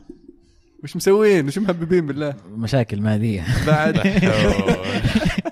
توهم واصلين ما مداهم. آه أتوقع. لا الدوري الإيطالي سرهاني للأمانة للأمانة لازم تتابعونه كله. لأنه حريقة بيصير تابع اليوفي. فعلا رونالدو. ما أدري اليوفي ولا الإنتر ولا روما ولا لا لا السنة هذه يعني بعد. الموسم الماضي اللي كان أكثر من رائع الموسم الماضي وكان في منافسة إلى آخر جولة يجي الموسم ذا بالتدعيمات بالأسماء الجديدة ولسه باقي وقت ما ندري إيش يصير. حيكون حريقة مرة ثانية. على الأغلب نعم. حيكون أفضل دوري في العالم مرة ثانية. يعني مش على طول. لا لا زي الموسم الماضي. في أفضل لاعب في العالم يلعب فيها أتوقع كفاية يعني. آه. أوه عم الصمت عم الصمت أيوه أيوه. ما ما نقول كريستيانو. شو إنه ميسي اللي جاي؟ الأسبوع الجاي نتكلم عن إن شاء الله ال- الدوري الألماني والدوري دوري الأبطال ولا لسه بدري عليه؟ لا بدري لا دوري الأبطال يعني سبتمبر دوري الأبطال. نبينا نشوف القرعة. لسه باقي التصفيات ما بعد. خلصت. الدوري. السعودي بعد لسه باقي عليه تقريبا ثلاث إيه، أسابيع. لكن- ثلاث أسابيع زود. بعد الحج إن شاء الله. في الحلقة القادمة راح نتكلم عن السوبر اللي راح يكون بين الهلال والاتحاد في يوم 18 في لندن. الجو- 18 والجولة الأولى من الدوري الانجليزي لندن. نعم. جميل. آه هاشتاج الحلقة؟ هاشتاج هاشتاج الحلقة. الكورة معنا. هاشتاج كورة معنا. أم، أول مشاركة من خالد يقول أحب أشكركم على هذا البودكاست ومتحمس مع الموسم الجديد للدوريات الأوروبية مع إني أشجع اليونايتد. سؤالي بالنسبة لكم وش هو الفرق؟ وش الفرق أو الدوريات اللي شغالة بشكل جيد في سوق الانتقالات؟ بالنسبة لي أنا أشوف الدوري الإيطالي شغال عدل وبالاخص الإنتر. اتفق والله أتفق مع خالد لك لك يا خالد إنك تشجع مانيو هذا اولا. يعني أنت والمهند نشوفكم نشوف رياضة ثانية. يمدحون آه، التنس. ولا ما تشوفه عارف كل الأندية اللي المفروض تتابعها في الدوريات الثانية عامل حسابه من الحين مستعد آه، فعلا أشوف الدوري الإيطالي يمكن يمكن أكثر دوري فيه انتقالات آه، مثيرة للانتباه خلينا نقول. بدأت برونالدو وانتقالات الإنتر الكثيرة ولسه باقي أقول لسه باقي لأن كلام مودريتش كاثر مع موضوع الإنتر. أستبعد أني أروح الإنتر صراحة لكن كاثر كلام. خلي الدوريات على جنب. أنا حبيت السؤال اللي كان يخص على الفرق. الفرق أنا أتفق معك بسالفة الإنتر. وأضيف إليه آه، روما وويست هام وبرشلونه بصراحة لأنهم قدروا يغطون ال- ال- الفراغات اللي يبغونهم لكن أفضل فريق في الانتقالات هذا الموسم حتى الآن ليفربول. آه، محمد يقول في فانتسي إن شاء الله عنها اليوم ويسأل عن انتقالات الدوري السعودي يبغانا نتكلم عنها بشكل كامل وإن شاء الله راح نتكلم عنها في قادم الأيام لكن السوق لسه ما قفل. والدوري لسه باقي عليه ثلاث أسابيع فإن شاء الله في قادم الحلقات راح يعني نخصص جزء آم، مهم للدوري السعودي. آه، فهد يقول مين أفضل لاعب أرجنتيني في التاريخ بعد هيغوايين آه، بعد هيجو طيب قبل هيجوين بعد هيغوايين في التاريخ؟ روخو. روخو. بعد هيجوين على طول روخو. على طول. على طول. على طول. ما في مساحة. آه، متيم باليونايتد. يقول السلام عليكم. كيف حالكم؟ حبيت أسألكم عن توقعاتكم لأبطال الدوريات الأوروبية ومين النادي اللي تشوفون عمل سوق انتقالات جيدة. عن نفسي أشوف الإنتر. ومين تتوقعون بطل الدوري الأبطال. وشكرا. واهلا بعودتكم لحلقات اسبوعيه من جديد عشان نحملها. شكرا لك يا متيم. آه، توقعاتنا راح تكون إن شاء الله في فيديو زي سوينا السنة الماضية اللي طبعا دائما أنا أجيبها صح ف دائما راح أجيب مرة واحدة. راح راح أجيب. الشباب راح أجيب الشباب معي كومبارس وراح أعلمكم الفوز بالدوريات. طيب. ترقبوه قريبا إن شاء الله. الإنتر جميعا نتفق ان ما كان صيفهم ممتاز. نضيف إليها ليفربول. وضيف عليهم ليفربول. فعلا ليفربول. مين بيحقق ال Champions أتوقع يمكن المرشح الأول بالنسبة لي برشلونة. ودي أقول ليفربول مرة ثانية لأن فريقهم ينفع في ال Champions. راح تتفاجئ راح تتفاجئ راح أعلمك توقعي إن شاء الله في الفيديو. إن شاء الله. وراح اتفاجئ راح تتفاجئ وإذا ما تفاجأت. لا صدقني. ترى كذا نقدر نفاجئ بعض باسامي شاطحه يعني. إيه. مو بشطارة. لا لا مو بس إن تتفاجئ بالتوقع راح تتفاجئ نهاية الموسم بعد. أوكي. هذا الأهم. آه. مستر مودي يقول welcome back وعدتكم في ال season الجديد. بعض الأسئلة اللي في بالي. بعد فترة انتقالات تبدو جيدة بالنسبة لدورتموند ومع مدرب يبدو بعقلية ممتازة وأدنى مستوى وأدى المستوى فني آه وأدنى مستوى فني لبايرن توقعاتكم نتائج دورتموند هذا الموسم محليا وقاريا خصوصا بعد ظهور الشكل الفني لدورتموند. والله ودي إني أتفلسف عليك بس للأمانة ما تابعت الدوري الألماني كفاية إني أعطي وجهة نظر إيش بيصير الموسم الجاي مع دورتموند لكن عودونا دورتموند إنه دائما يمر عليهم فترات إعادة بناء ودائما إدارتهم شغالة صح عارفين كيف يلقون المدرب الصح إنه يطلع أفضل موجود أفضل شيء موجود عند لاعبينهم وأكاديميتهم ما تزال تنتج لاعبين رائعين. فيتسل اكسل فيتسل وقع مع دورتموند اليوم وراح يصير إضافة جميلة للفريق وراح يسوي الفارق اللي كانوا يحتاجونه الموسم الماضي. يقال إن رويس أخيرا راح ياخذ الكابتنية. لاعب وفي لدورتموند طول معاهم. آه، المدرب أيضا يعطي الثقة لجوتسه وبوليسيتش اللي طلع عليه كلام كثير لكن شكله راح يب- يبقى في الفريق. زي ما قلت عبد الله فريق شاب آه، مدرب جديد. ننتظر نشوف ممكن ممكن يقدم آه، دورتموند. لكن أنا عندي تحفظ على موضوع إن البايرن مستواه متدني. أعتقد ان آه، شيء جديد بس لأن مدرب جديد وصار في تغيرات وما شفنا الإضافات ال- الكبيرة اللي صارت.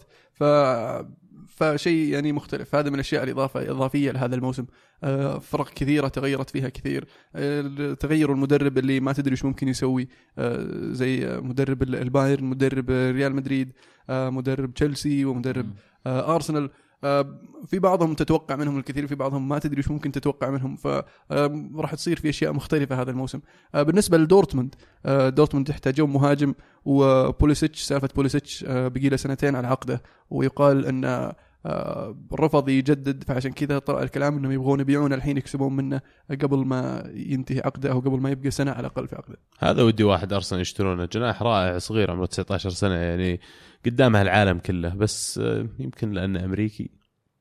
متخوفين العالم إنه ما قد طلعوا لاعبين كبار خلينا نقول من أمريكا ف دونيفن في في تجارب في تجارب سابقة لعيبه امريكان في في حارس بعد الحراس اللي اثنين مو بواحد اللي يطولون فيعني في في لعيبة ما أتوقع المشكلة ثلاث أتوقع إن- حراس ثلاثة إيه. ال- حق إيفرتون آه، هاورد؟ هاورد تيم هاورد وجوزان أوكي وفريدل ومين؟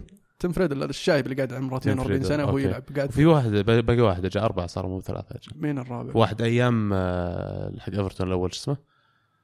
تو قلت تيم هاورد. أي أيام تيم هاورد أول ما بدأ هم اثنين بدوا سوا اي اي آه، كلنر ما أدري شو اسمه كاسنر إيش اسمه ما ذكر في بريمير ليج كيبي كيبي شيء زي كذا.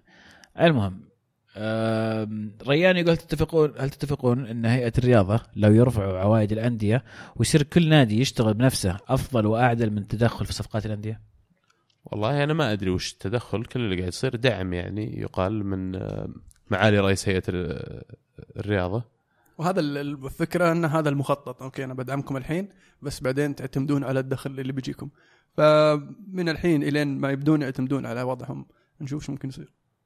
لكن معليش تنظيميا الدوري السعودي يعني ما دام فتح الموضوع يعني تنظيميا الدوري السعودي الوضع مأساوي من ناحية تنظيم المسابقات من ناحية تنظيم الأندية وترتيبها وإدارتها داخليا. أنا عارف إن أشياء قاعدة تتغير لكن يمكن الموضوع أنا قاعد أكون قاسي شوي في كلامي كذا لأنه طول العشرة أو عشرين أو ثلاثين سنة الماضية والأمور قاعدة تتغير فيمكن عشان كذا الواحد يصير متشائم. بعض الشيء أن التغيير مو بكل مرة يعني ينتج إلى الأفضل منه. فأنا أتمنى يوقف الحواق أتمنى توقف العشوائية أتمنى نوقف الخطط السنوية وتصير خطط خمسية وخطط عشرية وخطط عشرينية. أتمنى انه يصير التخطيط عندنا على المدى الطويل على مد... على مستوى ال... ال... هيئة الرياضة بشكل عام على مستوى اتحاد الكرة على مستوى المسابقات المحلية على مستوى الأندية حتى على مستوى اللاعبين نفسهم. أبغى اللاعب تصير عنده الثقافة من يطلع عمره أربعة خمسة عشر سنين يقرر يبغى يصير لاعب كورة من ذاك الوقت يبدأ التخطيط والعمل للمستقبل حقه. ولين أنت تخلق المنظومة هذه كاملة والتجانس بينها وفعلا إن جميع الجهات وجميع المشاركين في ال- ال- السين الرياضي السعودي يكونون كلهم متفقين على نفس خلينا نقول الويف لينث ولا على الموجة نفسها في الطموح والعمل والتوجه. أنا يعني آه، ما أحس إن الأمور بتتحسن كثير. آه فيك أسئلة كثير عن توقعاتنا للموسم القادم؟ وكان المفروض تعطونا توقعاتكم هذا هذه الحلقة عشان نعطيكم إياها إحنا توقعاتنا في الفيديو. بس آه، آه، أتمنى يكون في أحد شاركنا توقعات الموسم. لا والله إلى الآن ما مر علي توقعات. يمدي يمدي لين نسوي الفيديو. إيه. شاركونا توقعاتكم وأنتم نبغى نسمع منكم وش ال- ال- اللي تتوقعونه للموسم موس- للموسم القادم بالنسبة للأندية المشاركة في جميع الدوريات الأوروبية وحتى الدوري السعودي. ممكن حتى نشوف يعني نقارن توقعاتكم ونغش منكم. حسن يقول كل الشكر والتقدير لكم ومجهود تشكرون عليه. بصراحة أنا أبغى رأيكم في موضوع سوق الانتقالات الخاص باليوفي. أتوقع يعني تكلمت في الموضوع ال- ال- السوق موجه للموسمين الجاية. يعني مع كل التركيز ان الفوز بال Champions League في أقرب وقت. ومن واحد العشرة أنت عزيز وش تقييمك لسوق اليوفي للصيف هذا؟ شوف كان يعني قبل صفقة آه، المبادره حقت بونوتشي كالدارا هيغوايين كنت بقول لك 10 من 10 يعني لأنك الصيف اللي تجيب فيه أفضل لاعب في العالم مستحيل تعطيه أقل من 10 من 10 طب ما تغير هالشيء. ما زال هذا الصيف اللي جبت فيه أفضل لاعب في صحيح العالم صحيح. لكن مر على الصفقة تقريبا شهر الآن وصارت أشياء في خلال الشهر هذه اللي شوي تقهر. مضطر إني أنقص التقييم شوي للأمانة. أرجع وأقول هذا كله بيكون خرابيط لما يفوز بال Champions League بقول إيه هم كان هم أدرى. وارجع لفترة قبل شهر كنت تقول إن بجيت رونالدو الآن ما عليه الاداره يسوون اللي يبغونه يبيعون اللي يبغونه ما يفرق طبعاً جبنا رونالدو. مبالغة بس تخيل تجيب رونالدو وتبيع ديبالا مثلا شو استفدت؟ عرفت؟ أنت الفكرة إنك تبي تقوي فريق ال Champions League. بس هذا فكرة حتى لو قويت ميلان أنا أفضل أو أتوقع إنك تفضل إنك تبيع هيغوايين على الميلان من إنك تخسر ديبالا. طبعا أكيد. فليش في الاخير منطقيا منطقيا كل الكلام قاعد تقوله منطقي لكنه أشعر إنه يعني لا كان ممكن تحاولون بطريقة في مختلفه غصة. إيه لكن للأمانة إذا فعلا ما كان في أحد يبغى هيغوين إلا ميلان وهذا كلام هيغوين يقول ما, حد ما كان يبغاني إلا ساري في تشيلسي ما كان يبغاني أحد هناك إلا ميلان كلهم يبوني على كلامه. فأنت مضطر إنك تبيع هيغوين فبالعكس أشوف إنه يعني خيار جيد وخيار مهم. واحد من عشرة طيب. واحد العشرة sorry. تسعة. تسعة من عشرة. بس بيع عند سترار وترجع عشرة من عشرة. سلطان يقول شكرا على مجهودكم من أول حلقة وأتمنى لكم الأفضل. كل واحد يتوقع المركز الثاني في الفانتسي. توقعي عمر الأخير وعزيز الأول. صح عليك يا سلطان من ناحية أنا الأول فطبيعي هذا شيء أكيد لأن اللي معي زلايب ويلعبون بالعاطفة. كويس أنا top four وضعي كويس. أتوقع أنا أتوقع أنا صدق شوف. على فريق على فريق الكره معنا أتوقع أن يكون الأول وأتوقع أن مهند يكون الثاني لأنه ما يحط لعبة يونايتد فيبعد عن العاطفه أيضا. أفا. وعبد الله بيكون الثالث وعمر مرة ثانية بيكون الأخير. ترى أنا الموسم الماضي بس اللي سويت اسوء منكم ولا عاد اكسر روسكم يعني. أوف عصب عصب. ال- ال- السنة هذه راح تختلف الأمور يا عزيز. أنا سويت فريقي ماني مقتنع تماما سويته من الحين. إيه سويت أمس بصراحة. okay. أنت ما سويت فريقك الآن لا عزيز؟ طبعا لا طبعا. ترى. واضح يوم الخميس. عشان تكون بصورة الدوري يبدأ يوم الجمعة يوم الجمعة deadline يوم الجمعة يا إيه. يعني عندك عندك إلى قبل ساعة الخميس في الليل فجر الجمعة إن شاء الله أسوي تشكيلة. ومغيرين أشياء كثير يا أخي أرنوتوفيتش مهاجم زاها زاها مهاجم, مهاجم. أشياء اختلافات كثيرة ترى عن الموسم الماضي فأنصحك من الآن ادخل الموضوع أخذني ثلاث أيام لين فأنت تنصحون واحد. أحسن منكم؟ أنا ماني فاهم صراحة. يعني. أنا المفروض انصحكم أنتم استعجلتوا نصيحة لا تسووها من بدري سووها متأخر. هاي نصيحتي. راح ألغي الفريق أنت. إيه، ألغي الفريق. عد أعد حساباتك. أنت كنت يعني تفكر بأشياء غلط في البداية. وبعد نهاية الموسم. لوفي يقول عودا حميدا وحشت وحشتنا السوالف. سؤالي من تتوقعون أول مدرب يقال في الدوري الإنجليزي بالنسبة لي البكاية مورينيو. أنا أتفق معي 100% اول أول مدرب ولا أول مدرب من يعني ال top 6 لا على موضوع البكاية. طبيعي كلنا نتفق بكاية نعم. لا لا بس صدق يمكن مورينيو قد يكون أول مدرب يقال ترى في ال Premier League أول شيء عشان تاريخيا موضوع الثلاث سنوات قانون الثلاث سنوات. ثاني شيء بديت أشعر مو بس من لاعبين ال- اليونايتد ولا بس من الجماهير حتى إدارة اليونايتد حركة هذه إنك ما تجيب لاعبين. فعلا فتحت عيون عليها المتوهم تكلمت عنها إنه قد يكون إنه بدأ الخلافات بينه وبين الإدارة عرفت؟ بدأ يفلم. عدم الثقة يعني إي إي بدأ يتفلم. أنت جالس تطلع من إشبيليا وتطلع تسب في النادي. لا يا أبوي روق أي. روق أنا أروح. أنقلك على دافع واخرتها أنا ما انت مكمل معي موسم لا. وتقول ما عندي مدافعين عرفت؟ جبت لك من جيت جبت لك بايي جبت لك ليندلوف يمكن أسماء أنت مختارها. طيب يوم إنك تشوف إن هذول مو مدافعين ينفعون مثلا اللي أنت جبتهم ليش ليش تختارهم؟ أنا أعطيتك ثقة معناته أكثر من اللازم. وودورد يمكن قاعد يراجع نفسه الحين. صراحة صعب أقول من أول مدرب يقال يعني ما أتوقع مورينيو شخصيا. ما هو بأول مدرب مدرب أول مدرب بس يعني هل توقع يقال في 2018 مورينيو لن يقال هذا الموسم. ما تتوقع ها؟ okay. حتى لو جاب عيد نهاية الموسم ها؟ بيقعد إيه، لين يضمن إنه ما يتأهل Champions League زي مويس هنا يقال، yes. زي مويس. لكن ما أتوقع إنه راح يضمن نهاية إنه ما يتأهل بدري. أتفق معه. ما أتوقع بسياسة يونايتد اللي قال المبكر هذه. اي بس حط في بالك زي ما صار مع تشيلسي ذاك الموسم مثلا يوم فجأة وصلوا شيء كارثي د- مركز 17 مدري متى كم متى فيه قالوا آه okay بس أقالوه لما لما وصل أكتوبر أقول إيه. الظاهر أكتوبر. لا بدري. أكتوبر. بدري إيه. أكتوبر. بس آه، مرة ثانية تشيلسي ما هو بيونايتد. أنا أنا مؤمن تماما إن يونايتد ما عندهم الحركة هذه. أتوقع إنه يعني إلا في حالة إنه مرة جابوا العيد مرة طلعوا من المجموعات Champions League و... يعني معليش صبروا على مويس لين آخر خمس اي جولات. إيه يعني ما مصاب على مو مورينيو مصابين على مورينيو. الا ان مورينيو استقال. ما تدري إيش يسوي بكرة. ما بمستقيل إيه إذا. استقال ما ما يعطونه شيء. بالضبط. إيه ما راح يستقيل. ما عاد يستقيلون المدربين ترى. بطلوا؟ إيه. ابى اقعد لا. مو طيب. بعجبك انتقلني وعطني فلوس. آه ناخذ سؤال أخير من عزيزينيو يقول السلام عليكم. سؤالي لألمو. رأيك في تصرفات مورينيو في الجولة التحضيرية؟ سؤال للجميع رأيكم في ميلان هل هو قادر على تحقيق بطولة هذا الموسم أو يتأهل الأبطال؟ أنا ما شفت تصرفات مورينيو عادي أحد يقول لي؟ sorry. آه مباراة ليفربول. مباراة ليفربول. انتهت المباراة 4 1 لصالح ليفربول. طبعا طلع مورينيو قاعد يصيح زي العادة. هذا الفريق مو بالفريق حقي ولا حتى 50% ولا حتى 30% لا قاعد ألعب بزران آه ما أقدر أعتمد عليهم. آه، إحنا فريقنا أصلا الكويس آه، من ناحية الشباب اللي هم آه، 16 17 18 آه، وما لا تنسون لا تنسون إن فريق تحت 23 هبط هذا الموسم. ف لا ما مو فريقي. أنا فريقي كلهم في إجازة للحين ما جو. نبغى لازم يرجعون ولازم يجون. وبعد الضغط طبعا آه، ثلاث لعيبة آه، قرروا يرجعون بدري اللي هم آه، لوكاكو فيل جونز وراشفورد بعدين في في ناس برضو خصهم ببعض الأشياء التعليقات السلبية اللي تعودنا عليها الموسم الماضي وصياحة وبكاء على إنه ما بعد وقع مع أحد.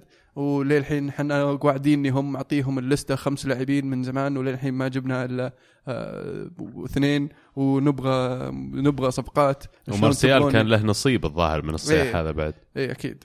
أكيد خاصة إنه قرر يروح يروح يعني يحضر ولادة ابنه. ف كيف يجرؤ كيف okay يجرؤ علمتني قبل ثلاث أيام إنك تروح بس إنك okay خلاص رحت شفت وشيكت عليهم خلاص ارجع وش قاعد تسوي؟ اي الله حق ليش ترى؟ ترى هو الموضوع قام يتحلطم على موضوع إنه okay انولد ال- الولدك جو خلاص ليش للان قاعد هناك؟ فبعدين طلع مارتيال قال إن زوجته تعرضت لمشاكل صحية واضطر إنه يجلس. فهنا يجي موضوع اللي يمكن انتقدنا فيه شوي المورينيو إنه ليش أنت مو بقريب من اللاعبين؟ لو كلوب مثلا كنت أنا متأكد كان درى إن زوجته تعبانة. كان يعني في في رابط بينه وبين اللاعبين مو هذا هذا مورينيو من من يومه. ترى مورينيو علاقته باللاعب آه، داخل التدريبات والملعب. أنت تطلع من عندي حتى لو اللاعب أصيب خلاص ما يسأل عنه ما عليه منه. يجيه التقرير الطبي متى متى يتوقعون يرجع. غير كذا ما ما يسأل عنه ولا يكون خلاص انت خلص. متى ما خلصت تعال. بس آه، لا تقعد تبلشني وأنا أبقى أسأل عنك وأنا بعرفك إنه لين ترجع توريني وش تقدر تسوي في التدريبات ألعبك ولا لا. فهذا مورينيو يعني تعودنا عليه و الله يستر. very يعني احترافي من بزيادة يعني. حتى يعني بدل ما يطلع في الاعلام يقول وين وين مارتيال راح ما رجع المفروض يسأل يسأل. حتلاقيه تلاقيه هو يعرف عنده خبر بس إلا بيطلع في الاعلام بيحرجه بهالطريقة. هذا أسلوب أشوف إنه يعني. لكن في ناس صابرين عليه أنا ما أدري ليش. الناس مختلفين ويمكن في لاعبين ينفع معاهم الأسلوب هذا بس بشكل عام هو ما تزبط معه لما الجروب ولا مجموعة لاعبين يرفضون الأسلوب هذا. وفعلا اللي يضبطون معه لعيبة قلة. فإذا عندك يعني آه، فريق من 22 إلى 30 لاعب عادة اللي يركبون مع مورينيو يصيرون آه، آه، ماشيين معاه ويتحملونه آه، ما يسوون لك تشكيلة كاملة. عادة اللي يكون هم العمود الفقري للفريق وهو اللي هو اللي يحتاجهم أصلا. الباقيين بالنسبة له مكملين. ف هو شخص صعب تتعامل معه. فعلا. وخاصة اللعيبة الشباب اللي توهم طالعين آه، يتفاجئون بالطريقة هذه اللي يتعاملون اللي يتعامل معهم فيها فأغلبهم تلقاهم ينحاشون منه. والجانب الثاني من السؤال اللي وين تتوقع مين يوصلون؟ أتوقع المفروض طموحهم المركز الرابع آه، لكن في نفس الوقت إذا حققوا المركز, الرابع فهو نجاح بالنسبة لهم. تكلمنا في في الموضوع أتوقع موسم جميل ينتظرنا. متحمسين. أخيرا تبدأ تبدأ الدوريات. آه، الدوري الانجليزي بيصبرنا أسبوع لما تبدأ الكرة الحقيقية في إيطاليا. فالله يكون في عوننا وعونكم جميعا. آه، راح يكون فعلا موسم مختلف. آه، أتوقع أن المرشحين للفوز بالألقاب الدوري بالنسبة للدوريات آه، شبه واضحين آه، لكن المنافسة دائما تصير تحت البطل. آه، هي هنا الأشياء لعبة الكراسي تصير. فممكن نشوف أشياء مختلفة في في ال top fours وفي اللي يفوزون بال- بال- بالكؤوس. زي ما فاجأنا فرانكفورت الموسم الماضي لما فاز على بايرن ميونخ. فممكن نشوف مفاجآت. حتى المدربين اللي ما ندري شو ممكن يسوون ممكن يسوون مفاجأة أو يحققون شيء هم غير متوقع. هذه الأسئلة كانت معنا الأسبوع هذا. شاركونا الأسبوع القادم على نفس ال hashtag unders آه، هاشتاج الكورة underscore معنا. آه، ارسلوا لنا توقعاتكم للدوريات. رأيكم في سوق الانتقالات لأكبر الأندية أهم الأندية. شاركونا آرائكم وترقبوا فيديو حقنا في يوتيوب إن شاء الله قريبا. إن شاء الله نقول الأسبوع الجاي ينزل عن توقعاتنا لأبطال الموسم القادم وأكثر من ذلك. واللي ما شاف فيديوهاتنا رحلتنا لروسيا حضرنا مباريات المنتخب السعودي حضرنا مباريات أخرى كنا في وسط المعمعه في أجواء كأس العالم. آه، تابعوا يومياتنا في روسيا على قناتنا في اليوتيوب. ابحث عن الكرة معنا تطلع لك قناتنا. واللي يحب التاريخ بعد تاريخ كرة القدم آه، في آه، سلسلة سلسلة مقتطفات تاريخية آه، تكلمنا فيها عن نشأة كرة القدم وكيف تأسست آه، قوانين ال- الكرة وذكرنا بعض ال- البطولات التاريخية في كأس العالم. ولها عودة سلسله راح تستكمل إن شاء الله إن شاء قريبا. الله. وفضلا ليس أمرنا أعطونا اشتراك في القناة أعطونا لايك على الفيديوهات انشروا القناة. ادعمونا محتاجين كل الدعم. أنتم كريم إحنا نستاهل. جميل لذلك نوصل لنهاية الحلقة. حب أشكركم إن شاء الله تكونوا استمتعتوا معنا اليوم. آه، كانت الكرة معنا. الحين الكرة معكم. الله